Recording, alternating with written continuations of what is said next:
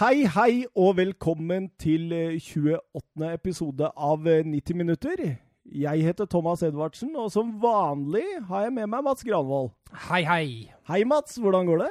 Det, ja, jeg har det fint, jeg. Eh, Hvordan går det med deg? Jo da, nå flytter jeg snart hjem. Ja, jeg tenkte jo mer på gårsdagen, egentlig. Jeg trodde kanskje du ikke kom til å møte opp i dag. jeg. Ja, den var, den var tøff, men jeg vil ikke snakke om den. Nei. Nei. Moving on. Vi, eh, vi konsentrerer oss heller om det som skjedde i helgen Ja. I dagens eh, podkast. Vi har med en gjest i dag også. Ja. Du har fått snakka litt med han. Jeg henta han på Grorud tidligere i dag. Mhm. Eh, Søren Døpker. Hallo? Hei, hei! Du er en vaskeekte tysk eh, tysker. Ja, det stemmer. Ja. Vaskeekte tysk-tysker. Tysk-tysker. En ekte tysk-tysker. ja, men absolutt. Eh, Du kommer fra Er det Wolfsburg? Det er Wolfsburg. Oh, så Wolfsburg er favorittlaget. Det stemmer absolutt. Men vi hadde en diskusjon om uh, Wolfsburg angående Volkswagen, var det ikke det? Jo, det kan vi høre med nå. Er, er det de som liksom på en måte Hvor eh, mye inn i Wolfsburg er Volkswagen? Volkswagen eier klubben 100 det er det. Det var det som var avgitt. 100%. Men, men før Volkswagen har, har du noen andre eid dem før Volkswagen? Nei, de var en del av klubben VFL Wolfsburg, da. Altså så ble de i 2001 lagt under Volkswagen-konsernet. Uh, det skyldes at hele infrastrukturen og beslutningsevnen rundt den klubben var ikke helt eh, i tråd med Bundesliga-lagets utvikling, og de mente at sjansen var større hvis vi bare tar hele fotballavdelingen og flytter den over til Volkswagen. Så Ja! så blir Volkswagen først 90% eier, med klubben da som 10 eier, og så tok de etter hvert over de siste 10% år. Men er det noe å tjene, eller, for Wolfsburg på å bli eid av Volkswagen? Ja, for Wolfsburg, ja. Har jo, ha, vi hadde nok ikke henta spillere som Kevin De Brøne eller Julian Draxler uh, i klubben, hvis det ikke hadde vært for Volkswagen, tenker jeg. Så, så Wolfsburg får overskuddet av Volkswagen, men ikke omvendt? Jo, da vi Jo. solgte, eh, da vi solgte, da vi solgte det Brøne eh, for 75 millioner euro til Manchester City i 2015, da tok Volkswagen ut en god del av overskuddet. Så Ja. vi kunne ikke bare reinvestere alt vi fikk der. Nei. Det er jo kjipt, da. Tror du de sitter på styrerommet sånn, eller? Hvor mye koster han? Han koster eh, 3500 Golfer. Ja. Koster en tur Fi, fi, fire ta Passat. Så. Nei, men det er kult. Det er kult å ha Hjertelig velkommen, eh, Søren. Jo, tusen takk. Jeg kaller deg Søren. Det er, det er sånn vi sier det på norsk. Det går helt fint. Ja, ja, ja. Eh, veldig gøy. Jeg har allerede snakka en del med en eh, i bilen på vei hit og sånt, eh, Mats. Han er, eh, viser seg å være kyndig, altså. Ja, jeg hører det. Ja, absolutt. Jeg jeg var ikke så vanskelig å finne ut det. Å, jeg gleder meg til å høre tysk ball. Eh, ja, Ja, jeg har vokst på oss, det. Det er jo ingen av oss som kjenner han her fra før av, vet du. Vi blei jo tipsa. Mm. Tipsa av eh, godeste Rune, som du kjenner. Åssen blei du kjent med Rune, forresten? Nei, vi var i samme chatgruppe om, eh, om tysk fotball. det måtte være der. Måtte være der. Så vi dro faktisk på tur til Berlin sammen nå i august. Så litt fotball, reiste litt rundt. Det var veldig gøy. Ja, han eh, lover meg tur til Berlin nå, skjønner du. Ja, veldig bra. Veldig Ja. bra by. Veldig bra fotballby. Og så driver han og snakker om at vi skal kjøre en eh, full podkast her med kun tysk fotball, en sånn special edition. Ja. Eh, hvor både du og han og en eh, bekjent av meg skal være med, som er fra Frankfurt. Det har vært gøy. Det hadde vært kult. Du er med på det, eller, Søren? Det er jeg veldig. Åh, det blir bra. Eh, skal vi nevne litt om eh, vårt sponsori... Hva heter det? Sponsoriat. Sponsoriat, heter det det? Ja, Skal vi nevne det, eller?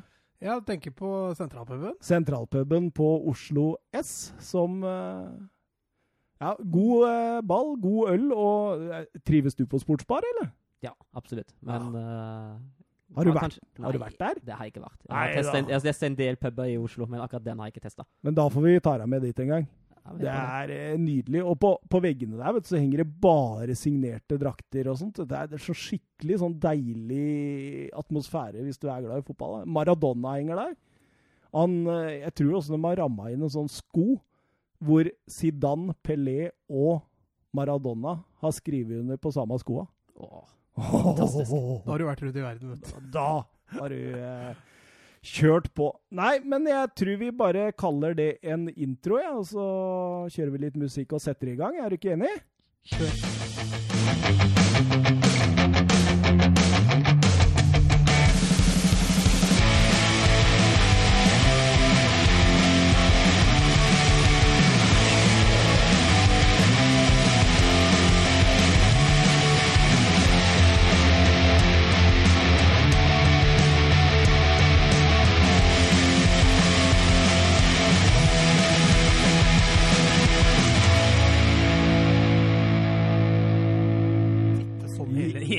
Da kommer du til å daue, tror jeg. Du må ta deg litt pauser innimellom.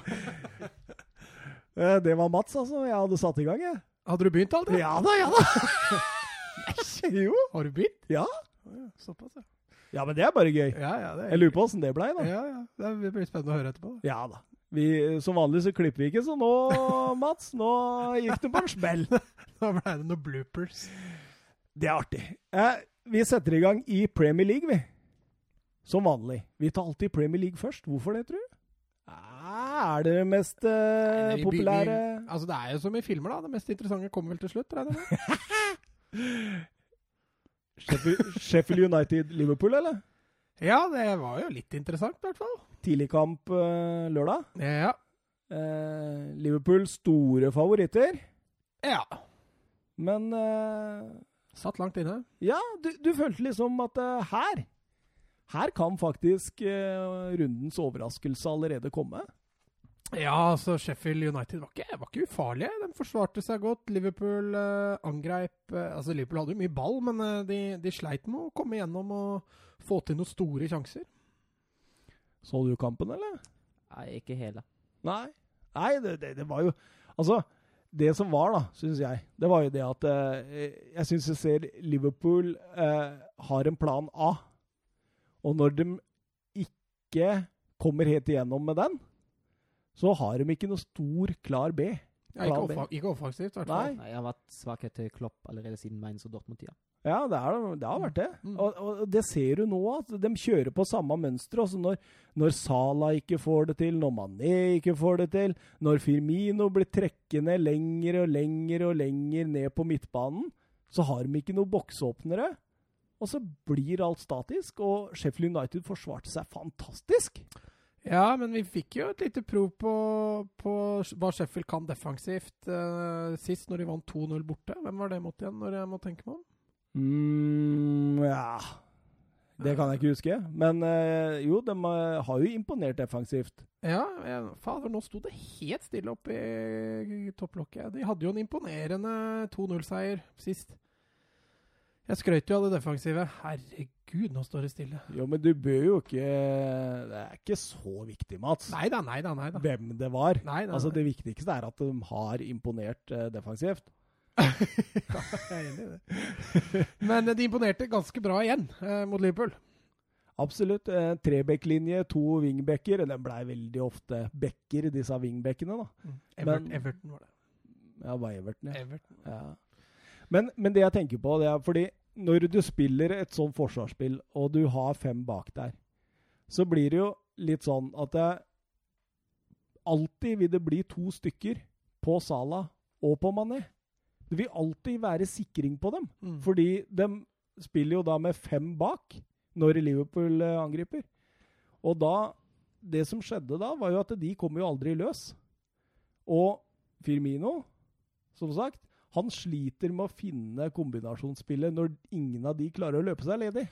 Men jeg syns også Liverpool mangla mye i mellomrommet. Jeg synes, uh, synes uh, Her ser du hva du får med Liverpool når de sliter og de ikke har den kreative midtbanespilleren som kan eh, være litt boksåpner og bidra i større grad. Uh, ser både Vinaldum og Henderson blir jo veldig statiske på midten her og bidrar ikke så veldig mye med kreativitet. Og når det du som sier at, at de alltid havner i undertall på kantene, så, så blei ble det fryktelig vanskelig. Altså. Bekka kom ikke noe særlig opp på. Har du vært imponert over Trent og, og Robertson, du, eller? Ja, jeg, stort sett har jeg det.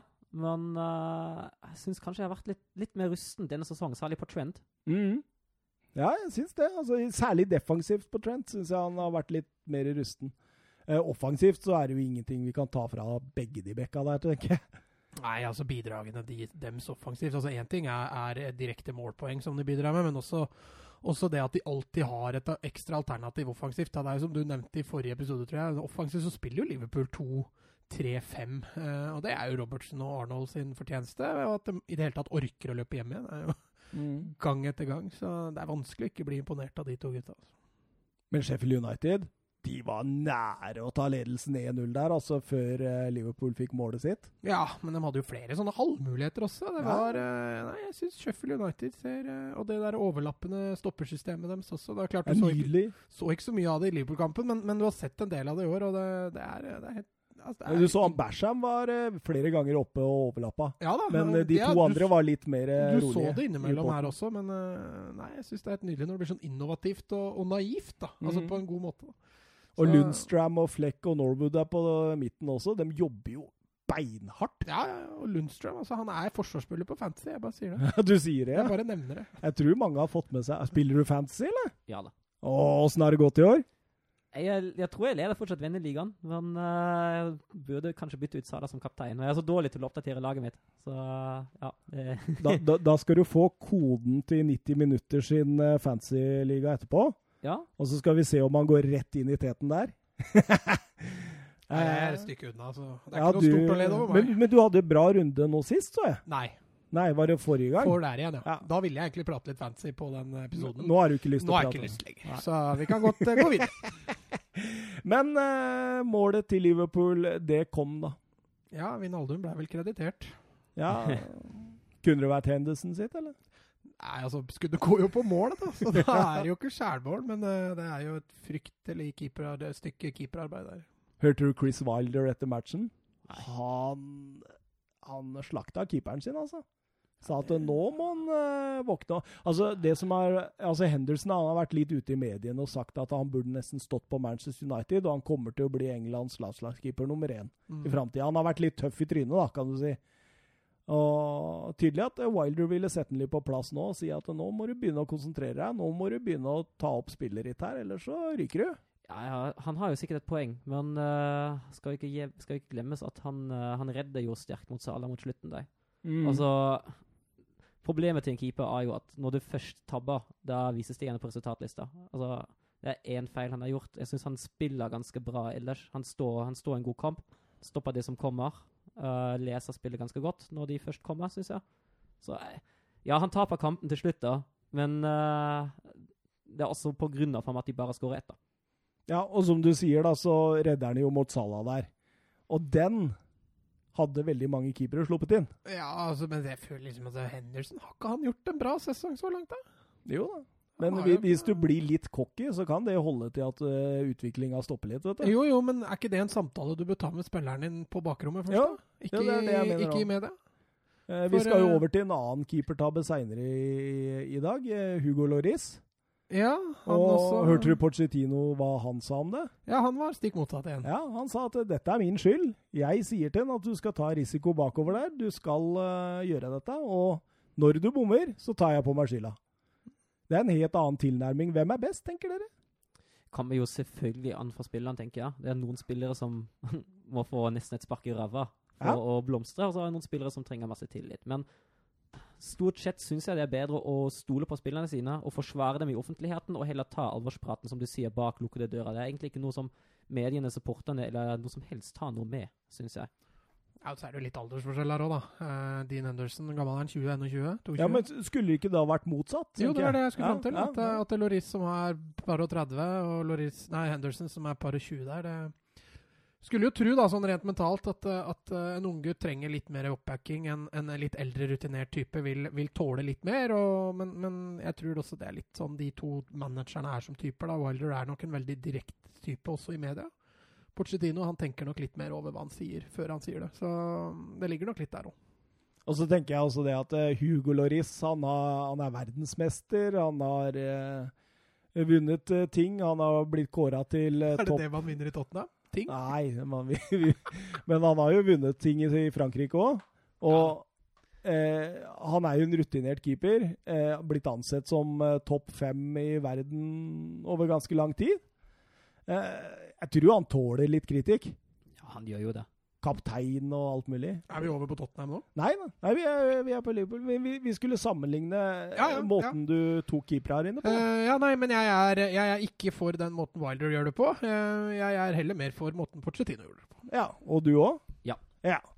Eh, Liverpool ror dette i land. Eh, er det gulltakter, eller? Vinner nok en kamp hvor de ikke presterer så veldig bra. Ja. Eh, eller presterer så veldig bra. Altså, de presterte OK, kan vi si. Ja, men nå, nå var de dårlige mot Napoli. Eller dårlig og dårlig, men de, de tapte greit mot Napoli i Champions League. Og så eh, De hadde flaks mot eh, Chelsea, egentlig. Ja, det er Ja. det der. Flaks. Altså, de, de hadde marginer med. Ja, marginer var vi enige om at flaks og marginer var det samme? Ja, Ja. det var vel det. Ja, nei, da har de i hvert fall marginene og flaksa på sin side mot Chelsea. Og så, og så har de jo levert sånn så skra- spesielt på bortebane i år, egentlig, hvor de halter en del. Men de, de vinner kamper, og det, med unntak av Napoli, selvfølgelig. Så Og det er mestertakter, eller? det er mestertakter. Ja. Men eh, de kan ikke drive på sånn for lenge.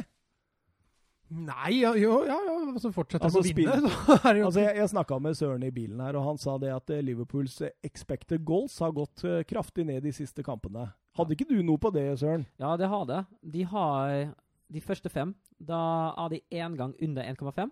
Og så har de to ganger over to, altså tre, tre ganger over to, og så har de to ganger over 2,5. Det er mot Arsenal og Newcastle. Mot Newcastle er de nesten opp i tre på expected goals. Så har jeg ikke tatt med MK Dons kamp. Jeg fant ikke noe statistikk på det heller. Og så føler jeg også at den er litt sånn utenfor uh, utenfor det her når jeg skal sammenligne hvordan laget spiller. Mot Napoli står de med 0,76. Uh, Mm. mot Napolis 1,8. De står med 1,03 mot Chelseas 1,23. Og mot Sheffield er de nesten oppe i to igjen, 1,97. Men det viser jo at det, at det går ned i formkurve. Og så ser vi det veldig tydelig når vi ser på skutt på mål per kamp. De første fem i Premier League de, altså skyter de 6,6 på mål per kamp i snitt. Mm. Det går da ned til 3,3 i snitt de siste tre kampene. Og det, det er egentlig ganske, ganske oppsiktsvekkende. Ja, statistikken bekrefter jo vårt inntrykk, da. Ja. Nei, så Du ser det jo også når de, møter, eh, når de møtte Sheffield United, så gikk det fint. Når de møtte Napoli, så gikk det jo ikke. Når de møtte Chelsea, så klarte de det akkurat. Så Det kommer jo selvfølgelig litt an på hvem du møter òg. Men nå har vi haussa opp van Dijk i øst og vest her, og, og, og, og med god grunn. Han er, han er fantastisk. eh, Verdens beste, vil jeg si. Men Matip, han begynner å levere nå. Jeg syns han er solid. Det er vel en Ah, grunn til at solid, Gomez, ja. Gomez starta første seriekamp. Etter det så virker det som det er Matip som eh, Ja, han kom gratis fra Schalke i 2016. han. Jeg Kjenner du til han fra Tyskland, eller? Ja, jeg gjør det. Har alltid vært litt sånn Altså, han har vært god i Schalke, men alltid drevet litt sånn ukonstant. Jeg tror Matip tjener veldig på å ha van Dijk ved sin side. Tror Matip er en sånn klassisk midtstopper som faktisk trenger en sjef. Jeg har hadde også tjent litt. på å ha van Dijk med min side. Altså. jo. Men det trenger, trenger ikke nødvendigvis være van Dijk, men Matip trenger en han kan orientere seg litt på. Han trenger en som gir litt trygghet, og så tror jeg han leverer varene. Eller han gjør jo det. Ja, men han er bedre nå enn det han har vært eh, tidligere. Jeg syns det. Jeg syns han er inne i en veldig god periode. Ja, absolutt, altså. Du ser det når de får press på seg, og han vinner dueller. Og han kan til og med frakte ball framover. Eh, lange stakan. Eh, vi hadde et par spørsmål eh, angående Liverpool. Eh, Glenn Thon spør hva er størst sjanse for? Liverpool vinner serien, eller Ole Gunnar Solskjær får sparken? hva, hva, hva er mest sannsynlig for deg, Mats? Akkurat nå så, så tror jeg nok det er lavest odds på at eh, Liverpool vinner serien. Du tror det, du? Ja, så at eh, det er høyere odds for Nei, Du- du har- nei du- det er lavere odds på at Solskjær får sparken. Sånn blir det. Ja, du, du mener det? Ja. Ja, ja. ja. Takk, takk, takk, takk, takk. Og du er enig, eller? Ja, jeg er enig. Altså, det har spilt, spilt sju kamper, City i om poeng. Nei, da, nå, nå, tenker jeg, nå tenker jeg feil her. Surrer du fælt Nå nå? surrer jeg skikkelig. du tror at det er større sjanse for at Liverpool vinner serien enn at Solskjær får sparken? Ja, det er akkurat det jeg tror. Du tror det? Ja. Eh, Jeg har ikke ord, altså. Nei, Jeg, jeg, er ikke, jeg er ikke helt enig der. Altså. City vinner ligaen.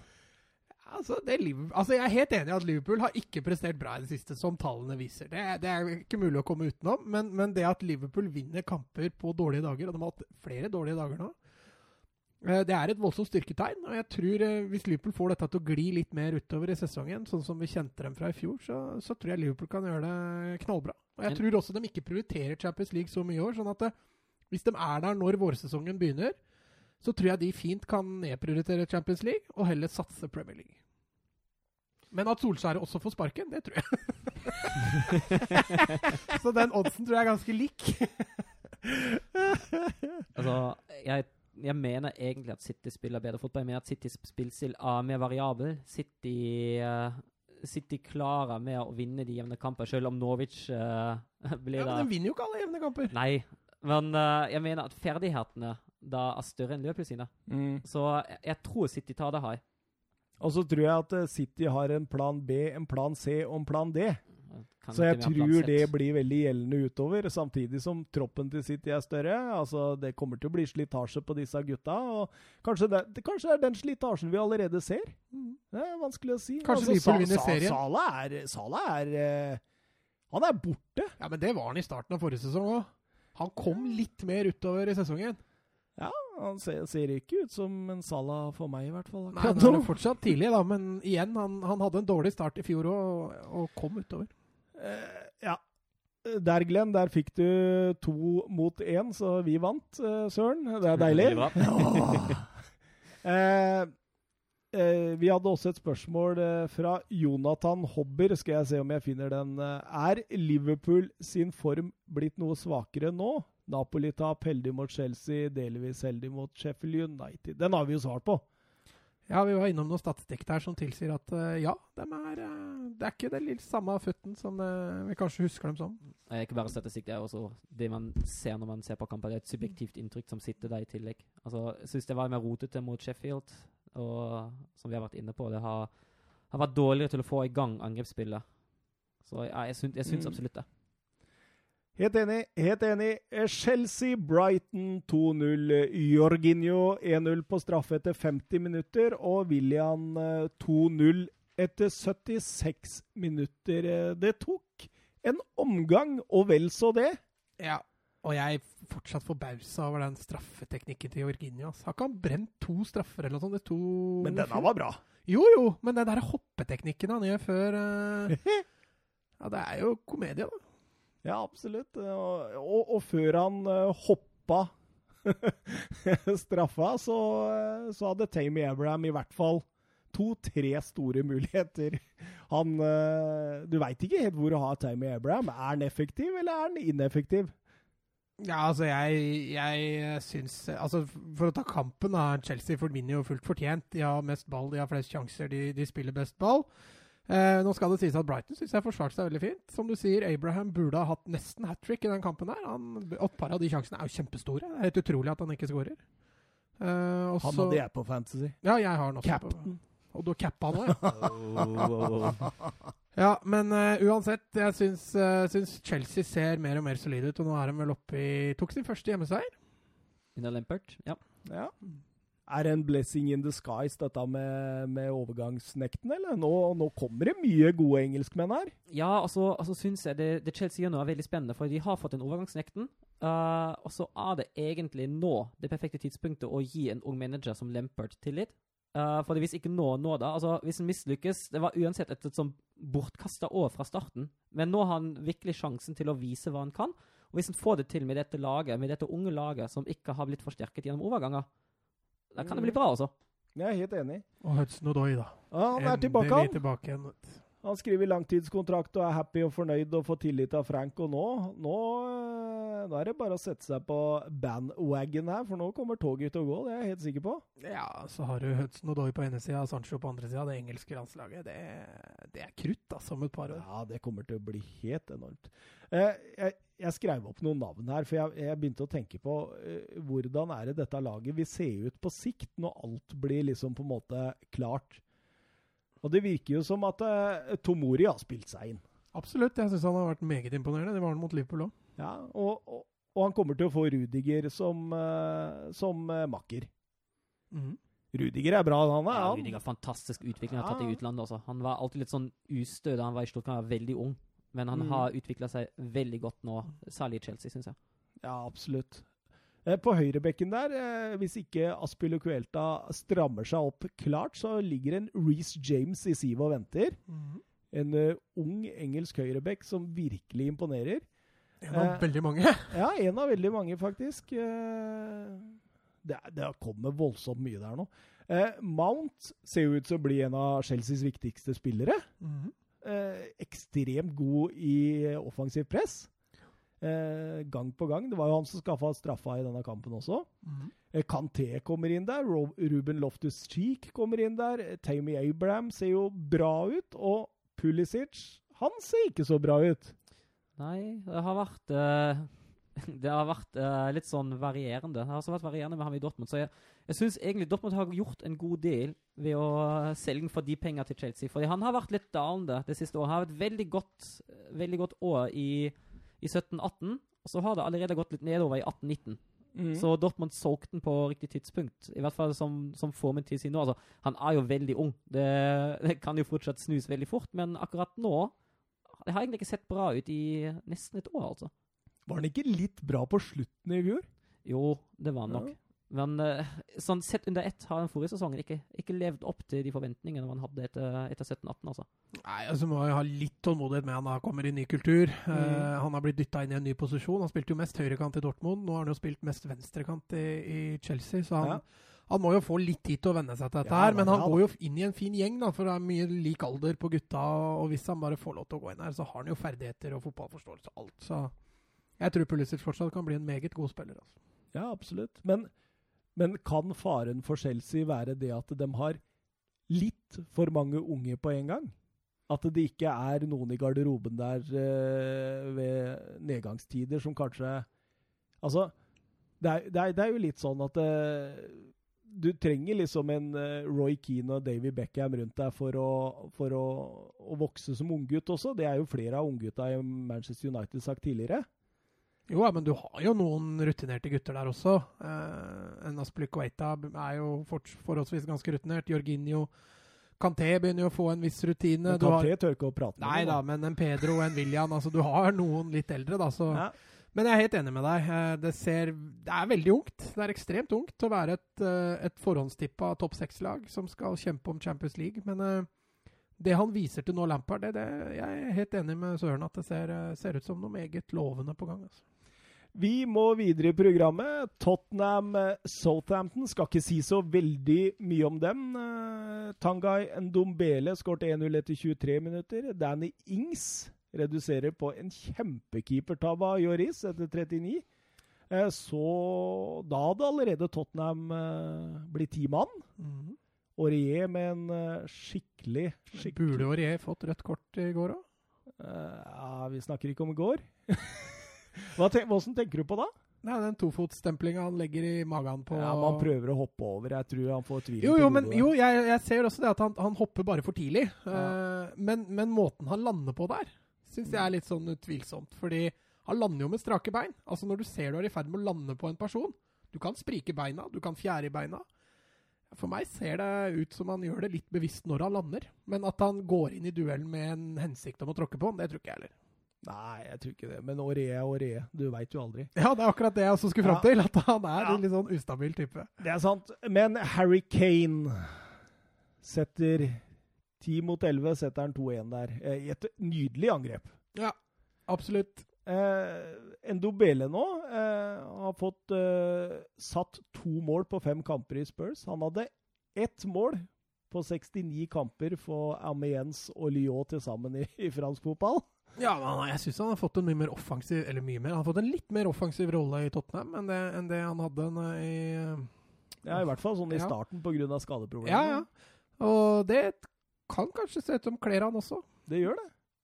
Eh, har du sett mye til en Dombele før i år, eller? Nei, jeg ser ikke sånn veldig mye på fransk fotball. Det er litt sånn uh, blind spot. Ja, det er litt sånn for oss òg. Følger litt med Paris Saint-Germain og Neymar. Det er vel det eneste, stort sett. Ja, det har ikke vært så veldig mye fransk fotball. Nei, men uh, jeg må innrømme at jeg fascinerte blei fascinert av Lyon i, i, fjor. Og så begynte å se en del kamper, og da så jeg en Dombele og den gjengen der. Og mye bra, og en Dombele Jeg var superfornøyd når Tottenham henta han. Superfornøyd. Og det var jo snakk om at Bayern München var ute etter nå. Inter og Juventus og Han ville ikke til Italia da pga. rasismen. Nei. Forståelig. Eh, ja, veldig. Hva tenker du om Llorisa, Mats? Nei, altså jeg ser jo problemet Loris får der. For han, han, ønsker ikke å klarere ballen når han får den tilbake i tid, får den tilbakespill her. og Han ønsker å ta seg tida til å finne en Tottenham-spiller, og så plutselig kommer Danny Ings mye fortere enn det han bregner der, tror jeg. Eh, og får panikk. Og du ser han snur seg rundt og, og ser litt undrende ut på lagkompisene sine. Ikke det at han har lyst til å skylde på noen av dem, men, men det er ingen som hjelper han. Uh, og det er klart, etterpåklokskap der så skal han jo selvfølgelig bare klarere, men uh, Han trodde han var Cruyff, og så var han egentlig Petter Wernie. Ja, han tok seg uh, godt, hardt mottak og tok seg veldig god tid. Men i likhet med Henderson løfter han seg jo i andre Ah. omgang. Altså, han har jo to nydelige redninger da, etter de dødballene til, til Southampton. Altså. I pausa så skrev jeg til Mats at uh, jeg heier på et lag med klovner. Eh, og så skrev jeg ut i annen omgang at jeg tar bort det om Loris, for det, det var strålende levert i annen omgang der. Men, men det var også litt artig å se Tottenham eh, forandre, eh, forandre kampplanen sin underveis i kampen her, når det blir en mann mindre, og ta ledelsen.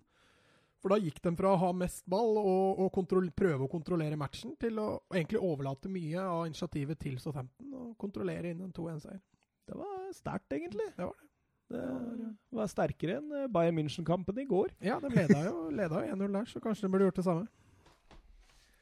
Skal vi videre over til eh, Everton mot Manchester City? Eh, Sterling eh, skårte sitt hundrede klubbmål. Ja, det skulle bare mangle med de sjansene han hadde. også. Det. Han har 77 for eh, City og 23 for Liverpool i, i eh, sin karriere. Det er, det er milepæl. Milepæl. Ja. Eh, Gabriel Jesus eh, starta ballet etter 24 minutter. 0-1. Dominic Calvert-Lewin utlignet 1-1. Eh, Riyad Mares 1-2 og Stirling 1-3. La Hva tenker du? Det var en litt sånn pepperulett igjen eh, i denne kampen. Ja, Aguero fikk jo hvile litt igjen. Han hadde vel sju strake mål i Premier League. Den røyker vel i den kampen, tror jeg. Og to blad Silva Ja, hvilt vel? stemmer, stemmer. Eller du Eh, sa jo det at Pep hviler ikke spillere, sa du. Nei, han hviler dem ikke. Hva var det jeg skrev? Han rullerer Han dem. rullerer, da. Ja, det har det alltid vært i Barcelona det var ikke, og, i, og i, i Bayern München. Du veit jo aldri hvem som starter. Og det, jeg, når du har en så bra stall da, som City har, så er det, det er forståelig at han gjør det. Han holder flest mulig fornøyd, samtidig som han holder flest mulig i kampform. Så Så skårer jo Gabriel Jesus nesten hver gang han spiller. Det er jo, er jo helt vanvittig. ja, han har et bra snitt, han òg. Han, han begynner å bli god, faktisk. Han begynner å presse Aguero litt. Ja, jeg tror det. Jeg tror det blir større og større luksusproblem når han får det. Hva var det han hadde nå? Åtte mål på de siste åtte kamper han starta, eller noe sånt? Det, Mm. Tror jeg, hvis jeg ikke leste helt feil. Noe sånt. Det var ganske bra. Og du snakka i innledningen, eh, Søren, om eh, Kevin De Brøne i Ja. eh, Wolfsburg, men åh, For en han er spiller. så deilig. På en spiller. Jeg, jeg savner han veldig. Altså, Beste spilleren som noensinne har vært i Wolfsburg. Jeg, jeg, ingen over, ingen ved siden av. Bedre enn Grafito, eller? G- Bedre enn Grafite. Men ikke Tsjekko. oh, jeg syns han er bedre enn Djeko. Djeko er en- er en litt annen spillertype, men Det brødene løfter et helt lag til et, til et annet nivå. Det, altså Hvis du ser på den fastningsfoten altså, Han slår de pasningene som han gjorde på, på 1-0, med, Ja. med, med, med en selvfølgelighet. Altså, han bare, han bare slår den, og så kommer han fram perfekt mellom forsvar og keeper nesten hver eneste gang. Det, det er et våpen. Det, det, er Ja, det har blitt et varemerke det, for City. Å Ja. slå den inn på bakerst, og der dukker det opp en. Ja. Ja, Og så er han, og han fysisk sterk, han er kjapp, han jobber godt hjem. Uh, han har veldig brukbar avslutning sjøl. Altså, Vi skal snakke litt om Kai Havertz seinere, men uh, Kevin Ja. De Brøne har egentlig alt uh, som, som trengs. Og Kai Havertz kan godt være der på et eller annet tidspunkt. Jeg s hørte ble han ikke skada nå? Jo, han, men den er veldig liten. Veldig liten skade? veldig liten skade, sa Pep eh, i, i et eh, pressekonferanse i går. Eh, trodde kanskje Helga røyk, men at han var klart etter landslagssamlingen. Mm. Eh, men Altså, Everton eh, var jo med på dansen ganske lenge, da. Og, Dominic Calvert-Lewin syns jeg leverte en strålende kamp på topp der. Eh, God i press og eh, Er han bedre enn Moise Keane? Ja, jeg syns det er helt klart, faktisk. Eh, Av det Kane har vist til nå, og det Calvert Lewin har vist til nå, så syns jeg det er rart han fortsetter å rullere så mye som han gjør. Jeg, Mm. Jeg syns Calvert Lewin virker som det klart beste førstevalget som spiss. Ja. Det, det, vi var litt inne på det med Everton nå sist også. at Også i den måten Silva spiller på, da, at, eh, hvor, han er veldig opptatt av det første pressleddet. Altså det første offensive pressleddet. Og der er jo Dominic Calvert-Lewin Han eh, er jo lysår bedre enn eh, Ken. Eh, ja Everton eh, hadde åtte skudd på mål i denne kampen. Det er det høyeste antallet noen har hatt mot Manchester City i Premier League siden 2015. Ja, Så, brukbart. Ja. Ser jo også ball possession også. Ser jo at City er egentlig på sitt normale. Så det betyr jo at Everton har vært eh, gått hurtig i angrep når de har vunnet ballen. Absolutt. Eh, ruller videre og henger med på Liverpool, og det er vel bare ligagullet i Liverpool Nei, i Premier League står jo bare mellom Liverpool og Manchester City, gjør vel det? Ja, det har blitt two horse race, det der. Ja. Allerede? Allerede. Ja, allerede. Ser eh, serien i La Liga, Bundesliga og, og Serie A, så er det jo jevnt. Eh, kanskje i ferd med å stikke seg ut litt i Serie A, men ikke, ikke, mye. I Bundesliga og La Liga så er det jo kjempejevnt. Så Premier League har blitt den nye La Liga? Ja. Så da kan vi begynne å rakke ned på Premier League, for nå er det bare to lag det står på. eh, to gamle storheter barka sammen mandag kveld på Old Trafford. Manchester United og Arsenal. Eh, så du den, da? Ja, selvfølgelig gjorde jeg det. Du da, Søren? Ja, så den? så, ja. ja. Eh, vi snakka jo i forrige episode Mats, om at det var litt merkelig taktikk av Pellegrini når laget hans tok ledelsen 1-0. Det var som om han ikke hadde sett Manchester United før, og, og innbydde til kontringer og overganger. Mm. Eh, det gikk jo bra, da. Eh, det var ikke Pellegrini sin skyld, men det var vel Rashford sin skade mye av skylda i. Eh, han eh, godeste Emry, han hadde sett Manchester United før. Ja, han hadde en mye mer defensiv tilnærming til den kampen, i hvert fall. Ja, han. Det var, eh, det var eh, en ganske flat midtbane der, med, med Gendosi, Sjaka og, og Toreira. Det, det, er mye defensive krefter. Eh, resulterte jo dessverre i at det ble en litt kjedelig fotballkamp. United evner ikke, Arsenal vil ikke, og da Jeg syns første omgang var kjedelig. Jeg Ja. syns annen omgang tar seg veldig opp. Ja, men eh, det kommer av at de får en scoring rett før pause. Eh, Da må Arsenal litt mer fram. Og det som var imponerende, som også blei nevnt i både studio og etterpå, er at United ser veldig godt trent ut. altså. Ja, absolutt. Men det er jo ikke så mye annet positivt å si. Men, Men så Men, ser jo eh, Arsenal bli veldig mye bedre med Ceballos på banen. ja, altså, men det, det var ikke så veldig rart at du får inn en offensiv, kreativ midtbanetype der. Og så har du Aubameyang, PP framover i banen med høy fart. Altså, han burde jo egentlig ha stortrives Han bør jo stortrives i den rollen. Brannfakkel blir Nicolas PP Premier Leagues største floppovergang denne sesongen. Altså Når vi snakker om å gi Pulisic tid, så ser vi at vi skal gi PP tid. Altså, Det er jo to unge spillere, um, og han har vært ganske dårlig så langt. Jeg er veldig enig, veldig enig i det. Uh, men samtidig tror jeg også det, det er noen grunnleggende ferdigheter der. Uh, han må få de på banen. Uh, jeg veit ikke helt hva som Det virker som om det er noe som, som blokkerer han, rett og slett. Uh, veit ikke helt hva det er. Uh, kanskje er det ny kultur, kanskje er det ny klubb, kanskje er det nye medspillere. Jeg tror fortsatt det kan bli bra. Jeg har spilt, spilt sju kamper. Og han har ikke spilt alle sju engang, i hvert fall ikke fra start. Så jeg, jeg tror vi skal gi ham litt tid, altså. Eh, vanskelig å si etter sju kamper. Er du enig med Søren? Ja, at du skal gi en tid. Ja, selvfølgelig må du gi en tid. Eh, det blir jo det blir dumt å kappe huet av en 21-åring i en alder, i- etter sju kamper. I en alder av 21? I en alder av 21. Men, eh, men eh, jeg er helt enig. Jeg syns han ser litt redd ut. Eh, Mhm. Det er klart, Old Trafford kan sikkert være skremmende det for en Arsenal-spiller som er, ikke er eldre enn han er. Men, men han er litt reservert. Eh, du ser det på han, at det er ferdigheter der som han ikke bruker, som han ikke vil prøve å bruke. Han, ofte så stopper ballen hos PP, og så blir det ballmiss. Men, eh, men eh, det, er klart han har, klart han har ferdigheter, og, og at han kan lykkes, det gjør han. Men at, at denne sesongen kan han bli en flopp, det kan godt være. Men så må det også sies, altså han har jo, han har jo de gode posisjonene han kommer i. Og han kommer seg ikke i de tilfeldige. Han beveger seg jo i hvert fall smart i rommet. Men så er det når han får ballen Altså, spillet utenbar syns jeg ikke er så dårlig. Men når han får ballen, da, da er det et eller annet som bare Ja. Jeg tror han blir en gedigen flopp, jeg.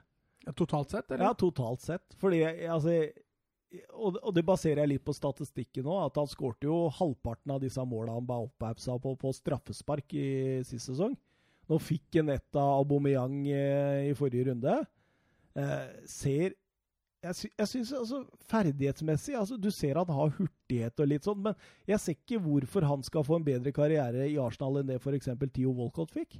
Altså, jeg, jeg kan ikke se råmaterialet som er sånn voldsomt mye bedre. Altså, han, han har en grei nærteknikk. Han er relativt hurtig, eh, men er veldig udefinerbar I, I, forhold til hvor du skal sette den på banen for å gjøre den best mulig. Men jeg så også statistikk, nå er det et par serierunder siden, hvor han hadde flest vellykka driblinger i Premier League. Mm. Så det er åpenbart det at å få satt han i posisjoner én mot én defensivt, eller offensivt, da, uten sikring, vil jo være det optimale. og må jo vente og se i forhold til, eh, forhold til uh, hvordan Arsenal velger å bruke han framover. Men, uh, men, jeg er ikke uenig med deg i at det kan bli, bli en flopp. Altså. Men jeg syns det er litt tidlig å Han var dyr. Han var dyr ja, og det også er jo også et argument. Ja, ja, Arsenal har ikke lyst til å kaste 80 millioner ut av vinduet Nei, på en men, flopp, så de kommer jo til å prøve og prøve og prøve. Men hadde han kosta uh, 300 millioner, så hadde vi ikke sittet og prata om dette nå. Nei, da hadde det jo, ikke, hadde det ikke vært så store overskrifter. Eh, Manchester United har nå tatt 49 poeng på sine 28 kamper under Ole Gunnar Solskjær. Det er to mindre enn de siste 28 kampene under José Mourinho, som danna grunnlaget for at han fikk sparken. Jeg så en statistikk før Arsenal-kampen at de siste 27 til Mourinho og de første 27 til Solskjær var helt like. Samme antall seire, uavgjort og tap. Så den 28. Den 28. siste til Mourinho var da seier, som uh, Solskjær nå fulgte opp med uavgjort. Herregud, skal jeg hente en smekk etter deg, eller? jeg blei så glad når han dro fram United-statistikk vet at jeg bomma på munnen. Det er bare vann, da. Det er ikke ja. cola som du sitter og drikker, Mats. Nei. Hva sier du om de tallene, Mats? Nei, det er, det Hva skal jeg legge til der, da? Det er jo selvfølgelig bekmørkt. Uh, det har jo ikke blitt noe bedre. United er jo en klubb som, uh, som satser uh, mer enn det. Men mm. nei, jeg er fortsatt på det at du må, må gi han tid, altså. Altså har du jo, du har jo det, det, som kommer i tillegg, er jo at målet til United Det er, altså det er en fantastisk enkeltprestasjon av McTomney, men det er egentlig ganske tilfeldig at det kommer også. Fordi det som er farlig i den situasjonen, det blir avveget, Og så har du Arsenal som er god på returløpet. Det står åtte Arsenal-spillere i boksen når det målet kommer, og så mm. bare fyrer han den inn fra, fra, langt hold. Altså, Når vi snakker om expected goals, da kommer ikke den særlig langt oppe der, i hvert fall. Nei, absolutt ikke. Det er en nydelig scoring. da. Det, det er absolutt. Ja, ja, ja. Men, men, men dukker ikke Chaka der? Ja, han, han dukka seg. Han uh... Redd ballen? ja, men altså, du er kaptein for Arsenal på Old Trafford, og så står du og dukker når ballen kommer mot deg, liksom. Det er jo helt tragedie. Det var en god kontring i forkant der òg. Det er det absolutt. Eh, jo, jo. Men det er jo det Manchester United er kjent for. Jo, jo. Gode kontringer. Men, men målet er jo et resultat av en, en kontring som mangler den siste pasningen, og, og, så går den ut igjen, og så er det et nydelig langskudd av, av McTominay. Tenk hvis eh, Pogba hadde fått den, da. Pogba var ute etter å ta den. Ja, men han, han, klarte ikke å stoppe nei, nei. det. Nei, det, hadde, det hadde ødelagt det målet. Ja, For Pogba også var svak, syns jeg. Ja, jeg syns det. Ja. Men, men, det er allikevel litt sånn autoritet rundt den også. Du ja. ser han, han, prøver å braute litt sånn Pogba-style, eh, men, men, jeg mener helt klart Solskjær burde fjerne Lingard, gjerne helt opp på tribunen, og så dytte Pogba opp i den bak mm. spissen. Helt enig. Og så fått inn enten Matic eller Fred. Jeg syns Fred var overraskende frisk. Han ville i hvert fall. Ja. Inn der sammen med McTominay, som var, hadde en strålende kamp. Mm. Eh, og så bygge der. Og så må han selvfølgelig, når januar kommer nå, kjøpe inn en defensiv midtbanespiller og ha ved ja. siden av McTominay. Mm. À la Bruno Fernandes eller ja, i verste fall Lars Longstaff fra, fra, Newcastle. Så kan han kanskje bygge en midtbane der. Helt enig med deg, Mats. Helt enig. Mm. Det var veldig godt uh, Jeg tror vi stort sett fortsatt sitter der i januar, da. Ja, det er det som er spørsmålet. Da. Jeg håper jo ikke det, for jeg skal sykle til Sandnes hvis han sitter ut sesongen. eh, Ni poeng på de første sju kampene i ligaen er Manchester United sin dårligste start siden 1989-1990-sesongen. Per Ferguson, det der. Nei, det var Ferguson. Nei, var det da? Var det ikke det? Ja, det er vel helt i starten av ja, periode. Det er, men det er før det ble Premier League, i hvert fall. Ja. Tenk det, ja. Det er Premier League-rekord satt av Solskjær. Ja. United-rekord sa Tan Solskjær. Eh, jo, nå kommer det noe moro, skjønner du, når vi avslutter eh, Premier League. Fordi vi fikk inn et, eh, et veldig morsomt lyttespørsmål fra Sander. 2CV, er ikke det en gammel sånn bil, da? 2CV? Jo. Sånn mm, fransk, gammel Sikkert. Jeg ja, ikke. Der, der var ikke du. Der er, altså. er ikke, jeg er ikke på jobb der, altså. Eh, hei, folkens, står det i hvert fall. Eh, vært kult om dere lagde den beste elveren fra ikke topp seks-lagene i England, og konkluderte hvor bra dette laget kunne ha gjort det. Fet podkast, forresten. Fast lytter. Ja. ja. Og da tenkte jeg at uh, dette må vi ta seriøst. uh, så og, ja, men det er så lett å glemme. Ikke sant? Det er, det er veldig lett å glemme. Og, så var det han, og så var Altså, vi nevnte jo disse navna før her, og vi, vi nevnte jo bare keepera, egentlig. Og da sa jo Søren allerede 'Å, jeg har glemt Schmeichel', ja, i min Ikke sant? Så her må vi forberede oss, og det har jeg gjort. dette. Så jeg har satt opp en liste. eh, altså, Du veit når amerikanske fotballag og sånt, når de før sesongen, så setter de opp en litt sånn draft-list Mhm. Over spillere som kan være aktuelle for å hente inn, og, og det har jeg gjort. da. Jeg har bare tatt de mest aktuelle i forhold til det, og så blir vi enige om, til sammen alle tre, om den beste elveren utafor topp seks. Ja. Er du klar, eh, Søren? Ja. Da begynner vi med keeper. Eh, prøver vi å spikre den. Eh, Smeichel. ja, Smei- ja, la meg nevne navnet nå, da.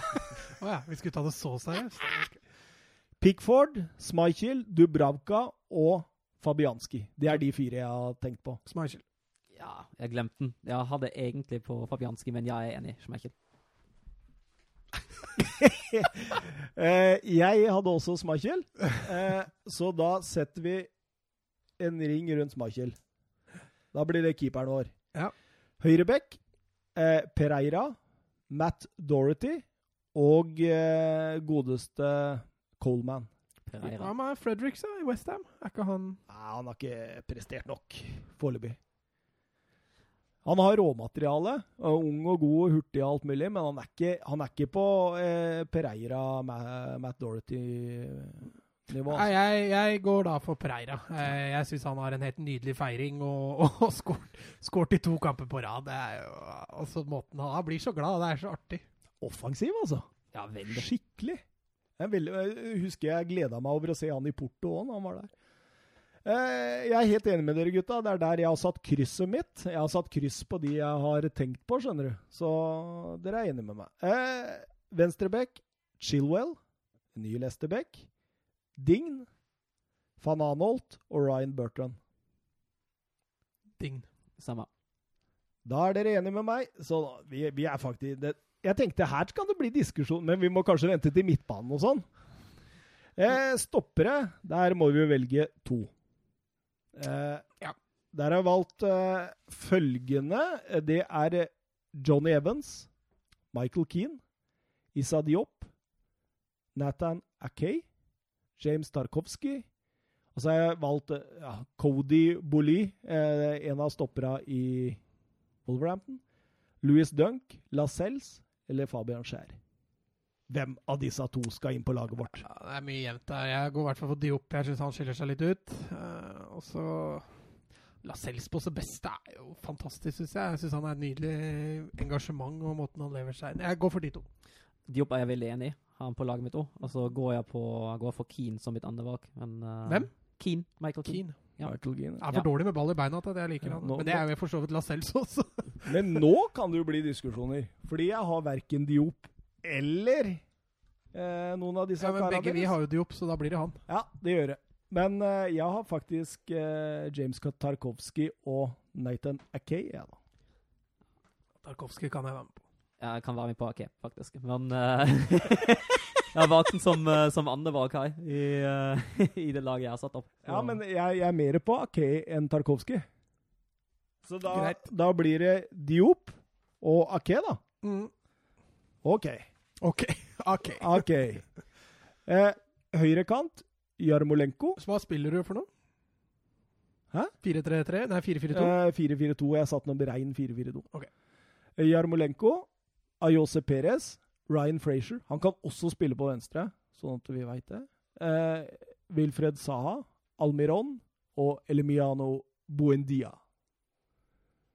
Hvem tenker du, Mats? Har du, Søren, har du tenkt Ja, dette? Jeg tenker, tenker Saha, men uh, med Jamolenko i hvert fall den sesongen her er på en god toer, altså. Men, Ja, eh, men Saha denne sesongen, har han vært så god, altså? Nei, ikke den sesongen, men jeg, sy jeg Vi syns skal jo bare trekke trekke sånn, okay. beste. Men jeg syns ferdighetene er, er faktisk på, på et ganske godt nivå, altså. Jeg er enig. Jeg syns Saha på sitt beste er en nydelig fotballspiller og, og burde spilt et annet sted enn i Crystal Palace. Men uh, denne sesongen så har han jo vært uh, svak, syns jeg. For å unngå mer tidsbruk, så sier jeg Saha, jeg òg. Så kan jo Mats Ja, fortsette å sier spekulere. Da sier vi, da sier vi Frazier, da. Eh, Venstrekant har jeg da satt opp Du må bare si fra, Søren, hvis du har kommet med navn jeg ikke kom med nå. Nei, du, akkurat nå har du tatt alle som vi har, også har tatt. Ja. Eh, Felipe Andersson, eh, Delofeu og Rikarlison. Rikarlison. Ja, samme her. Samme her.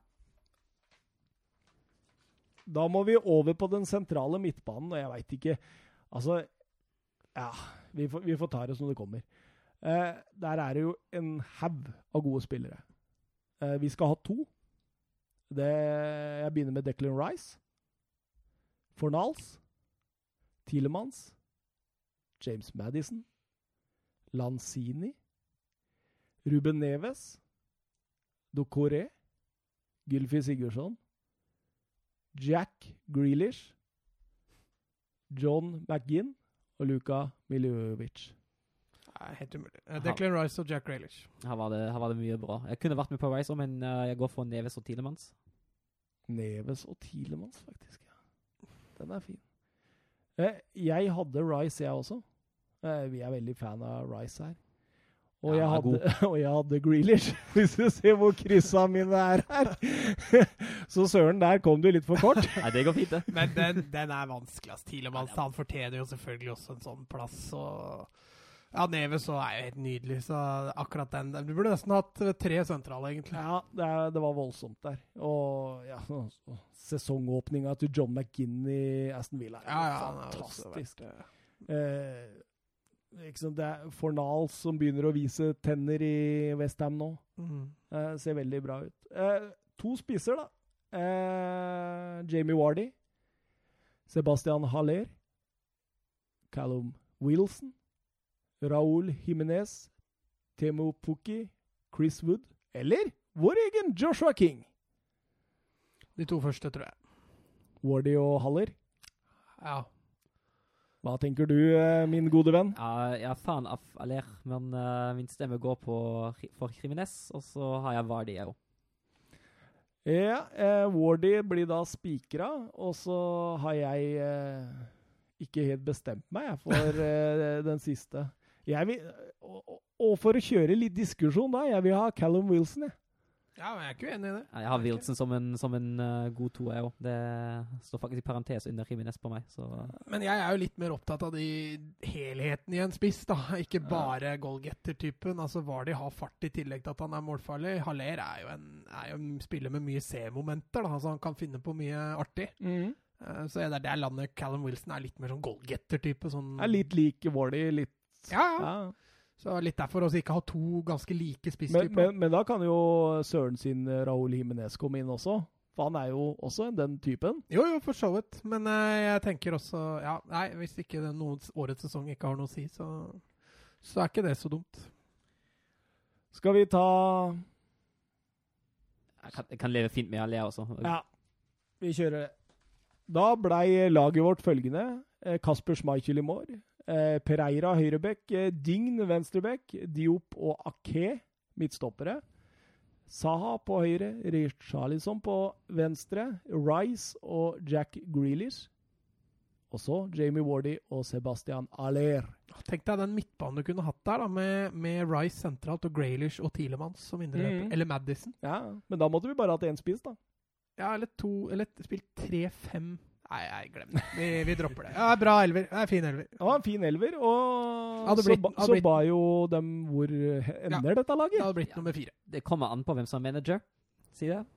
det manageren har veldig mye å si. Men uh, med en god manager kan dette laget ha absolutt kjempe om Champions League, mener jeg. Ole Gunnar Solskjær er manager.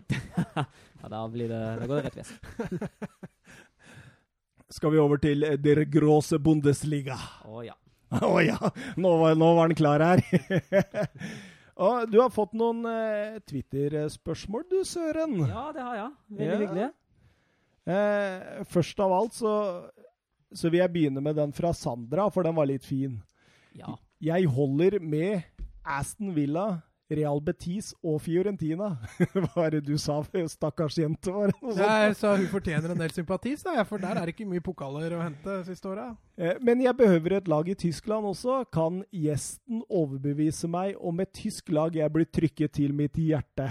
Jeg har jo lyst til å slå et lite slag for mitt eget lag. Ja, uh, gjør det. laget her på Wolfsburg. Uh, vi sa jo innledningsvis at klubben er jo eid 100 av Volkswagen. Og det er ikke så rart egentlig å tenke på, fordi det, hele den byen hadde ikke eksistert uten Volkswagen. Det var tre bygder og et slott da, da Volkswagen ble bygga på 30-tallet, 38. Uh, og så vokste byen egentlig rundt. Byen har 120 000 innbyggere, og så jobber 70 000-80 000 i Volkswagen. Så det er ganske enormt. Altså, de, noen, noen, noen, bor jo utenfor byen også, men det er ganske enormt tall. Så denne Det er byen, sjukt. byen står og faller med den bedriften. Da den dieselskandalen kom, frøys byen budsjettet nesten umiddelbart.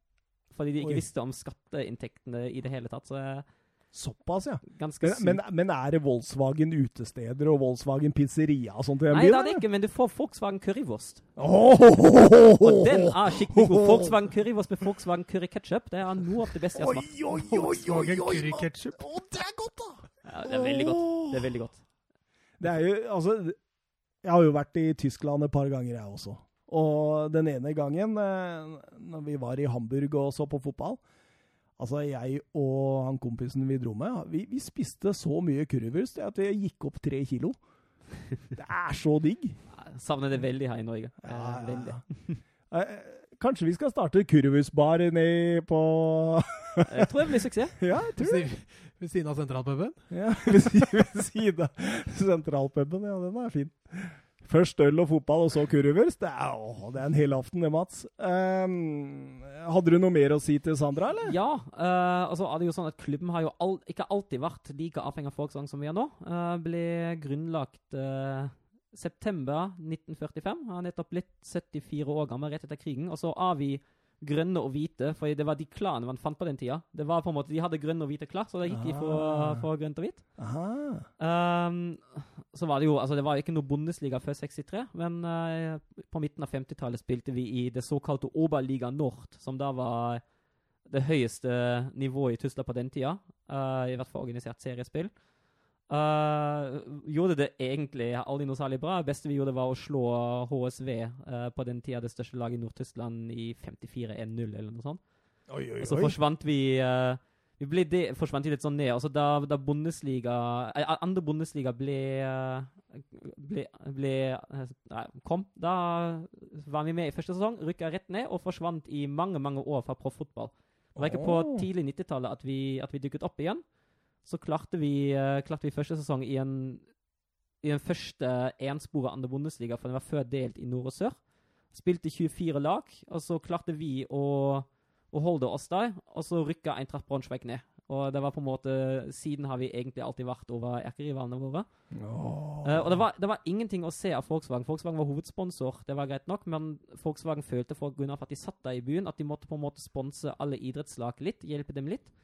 Eh, men vi gikk nesten konk i 1993, og da var det ikke, var det ikke Volkswagen-penger som redda oss. Da var det fire ja, businessmenn fra Wolfsburg som spytta inn litt penger for at klubben faktisk skulle få lisens og fortsette å spille Såpass, ja. spille. Så det var, I 1995 var vi i cupfinalen. Booka femstjerners hotell. Fordi man håpet på flere penger fra Volkswagen. Volkswagen sa blankt nei.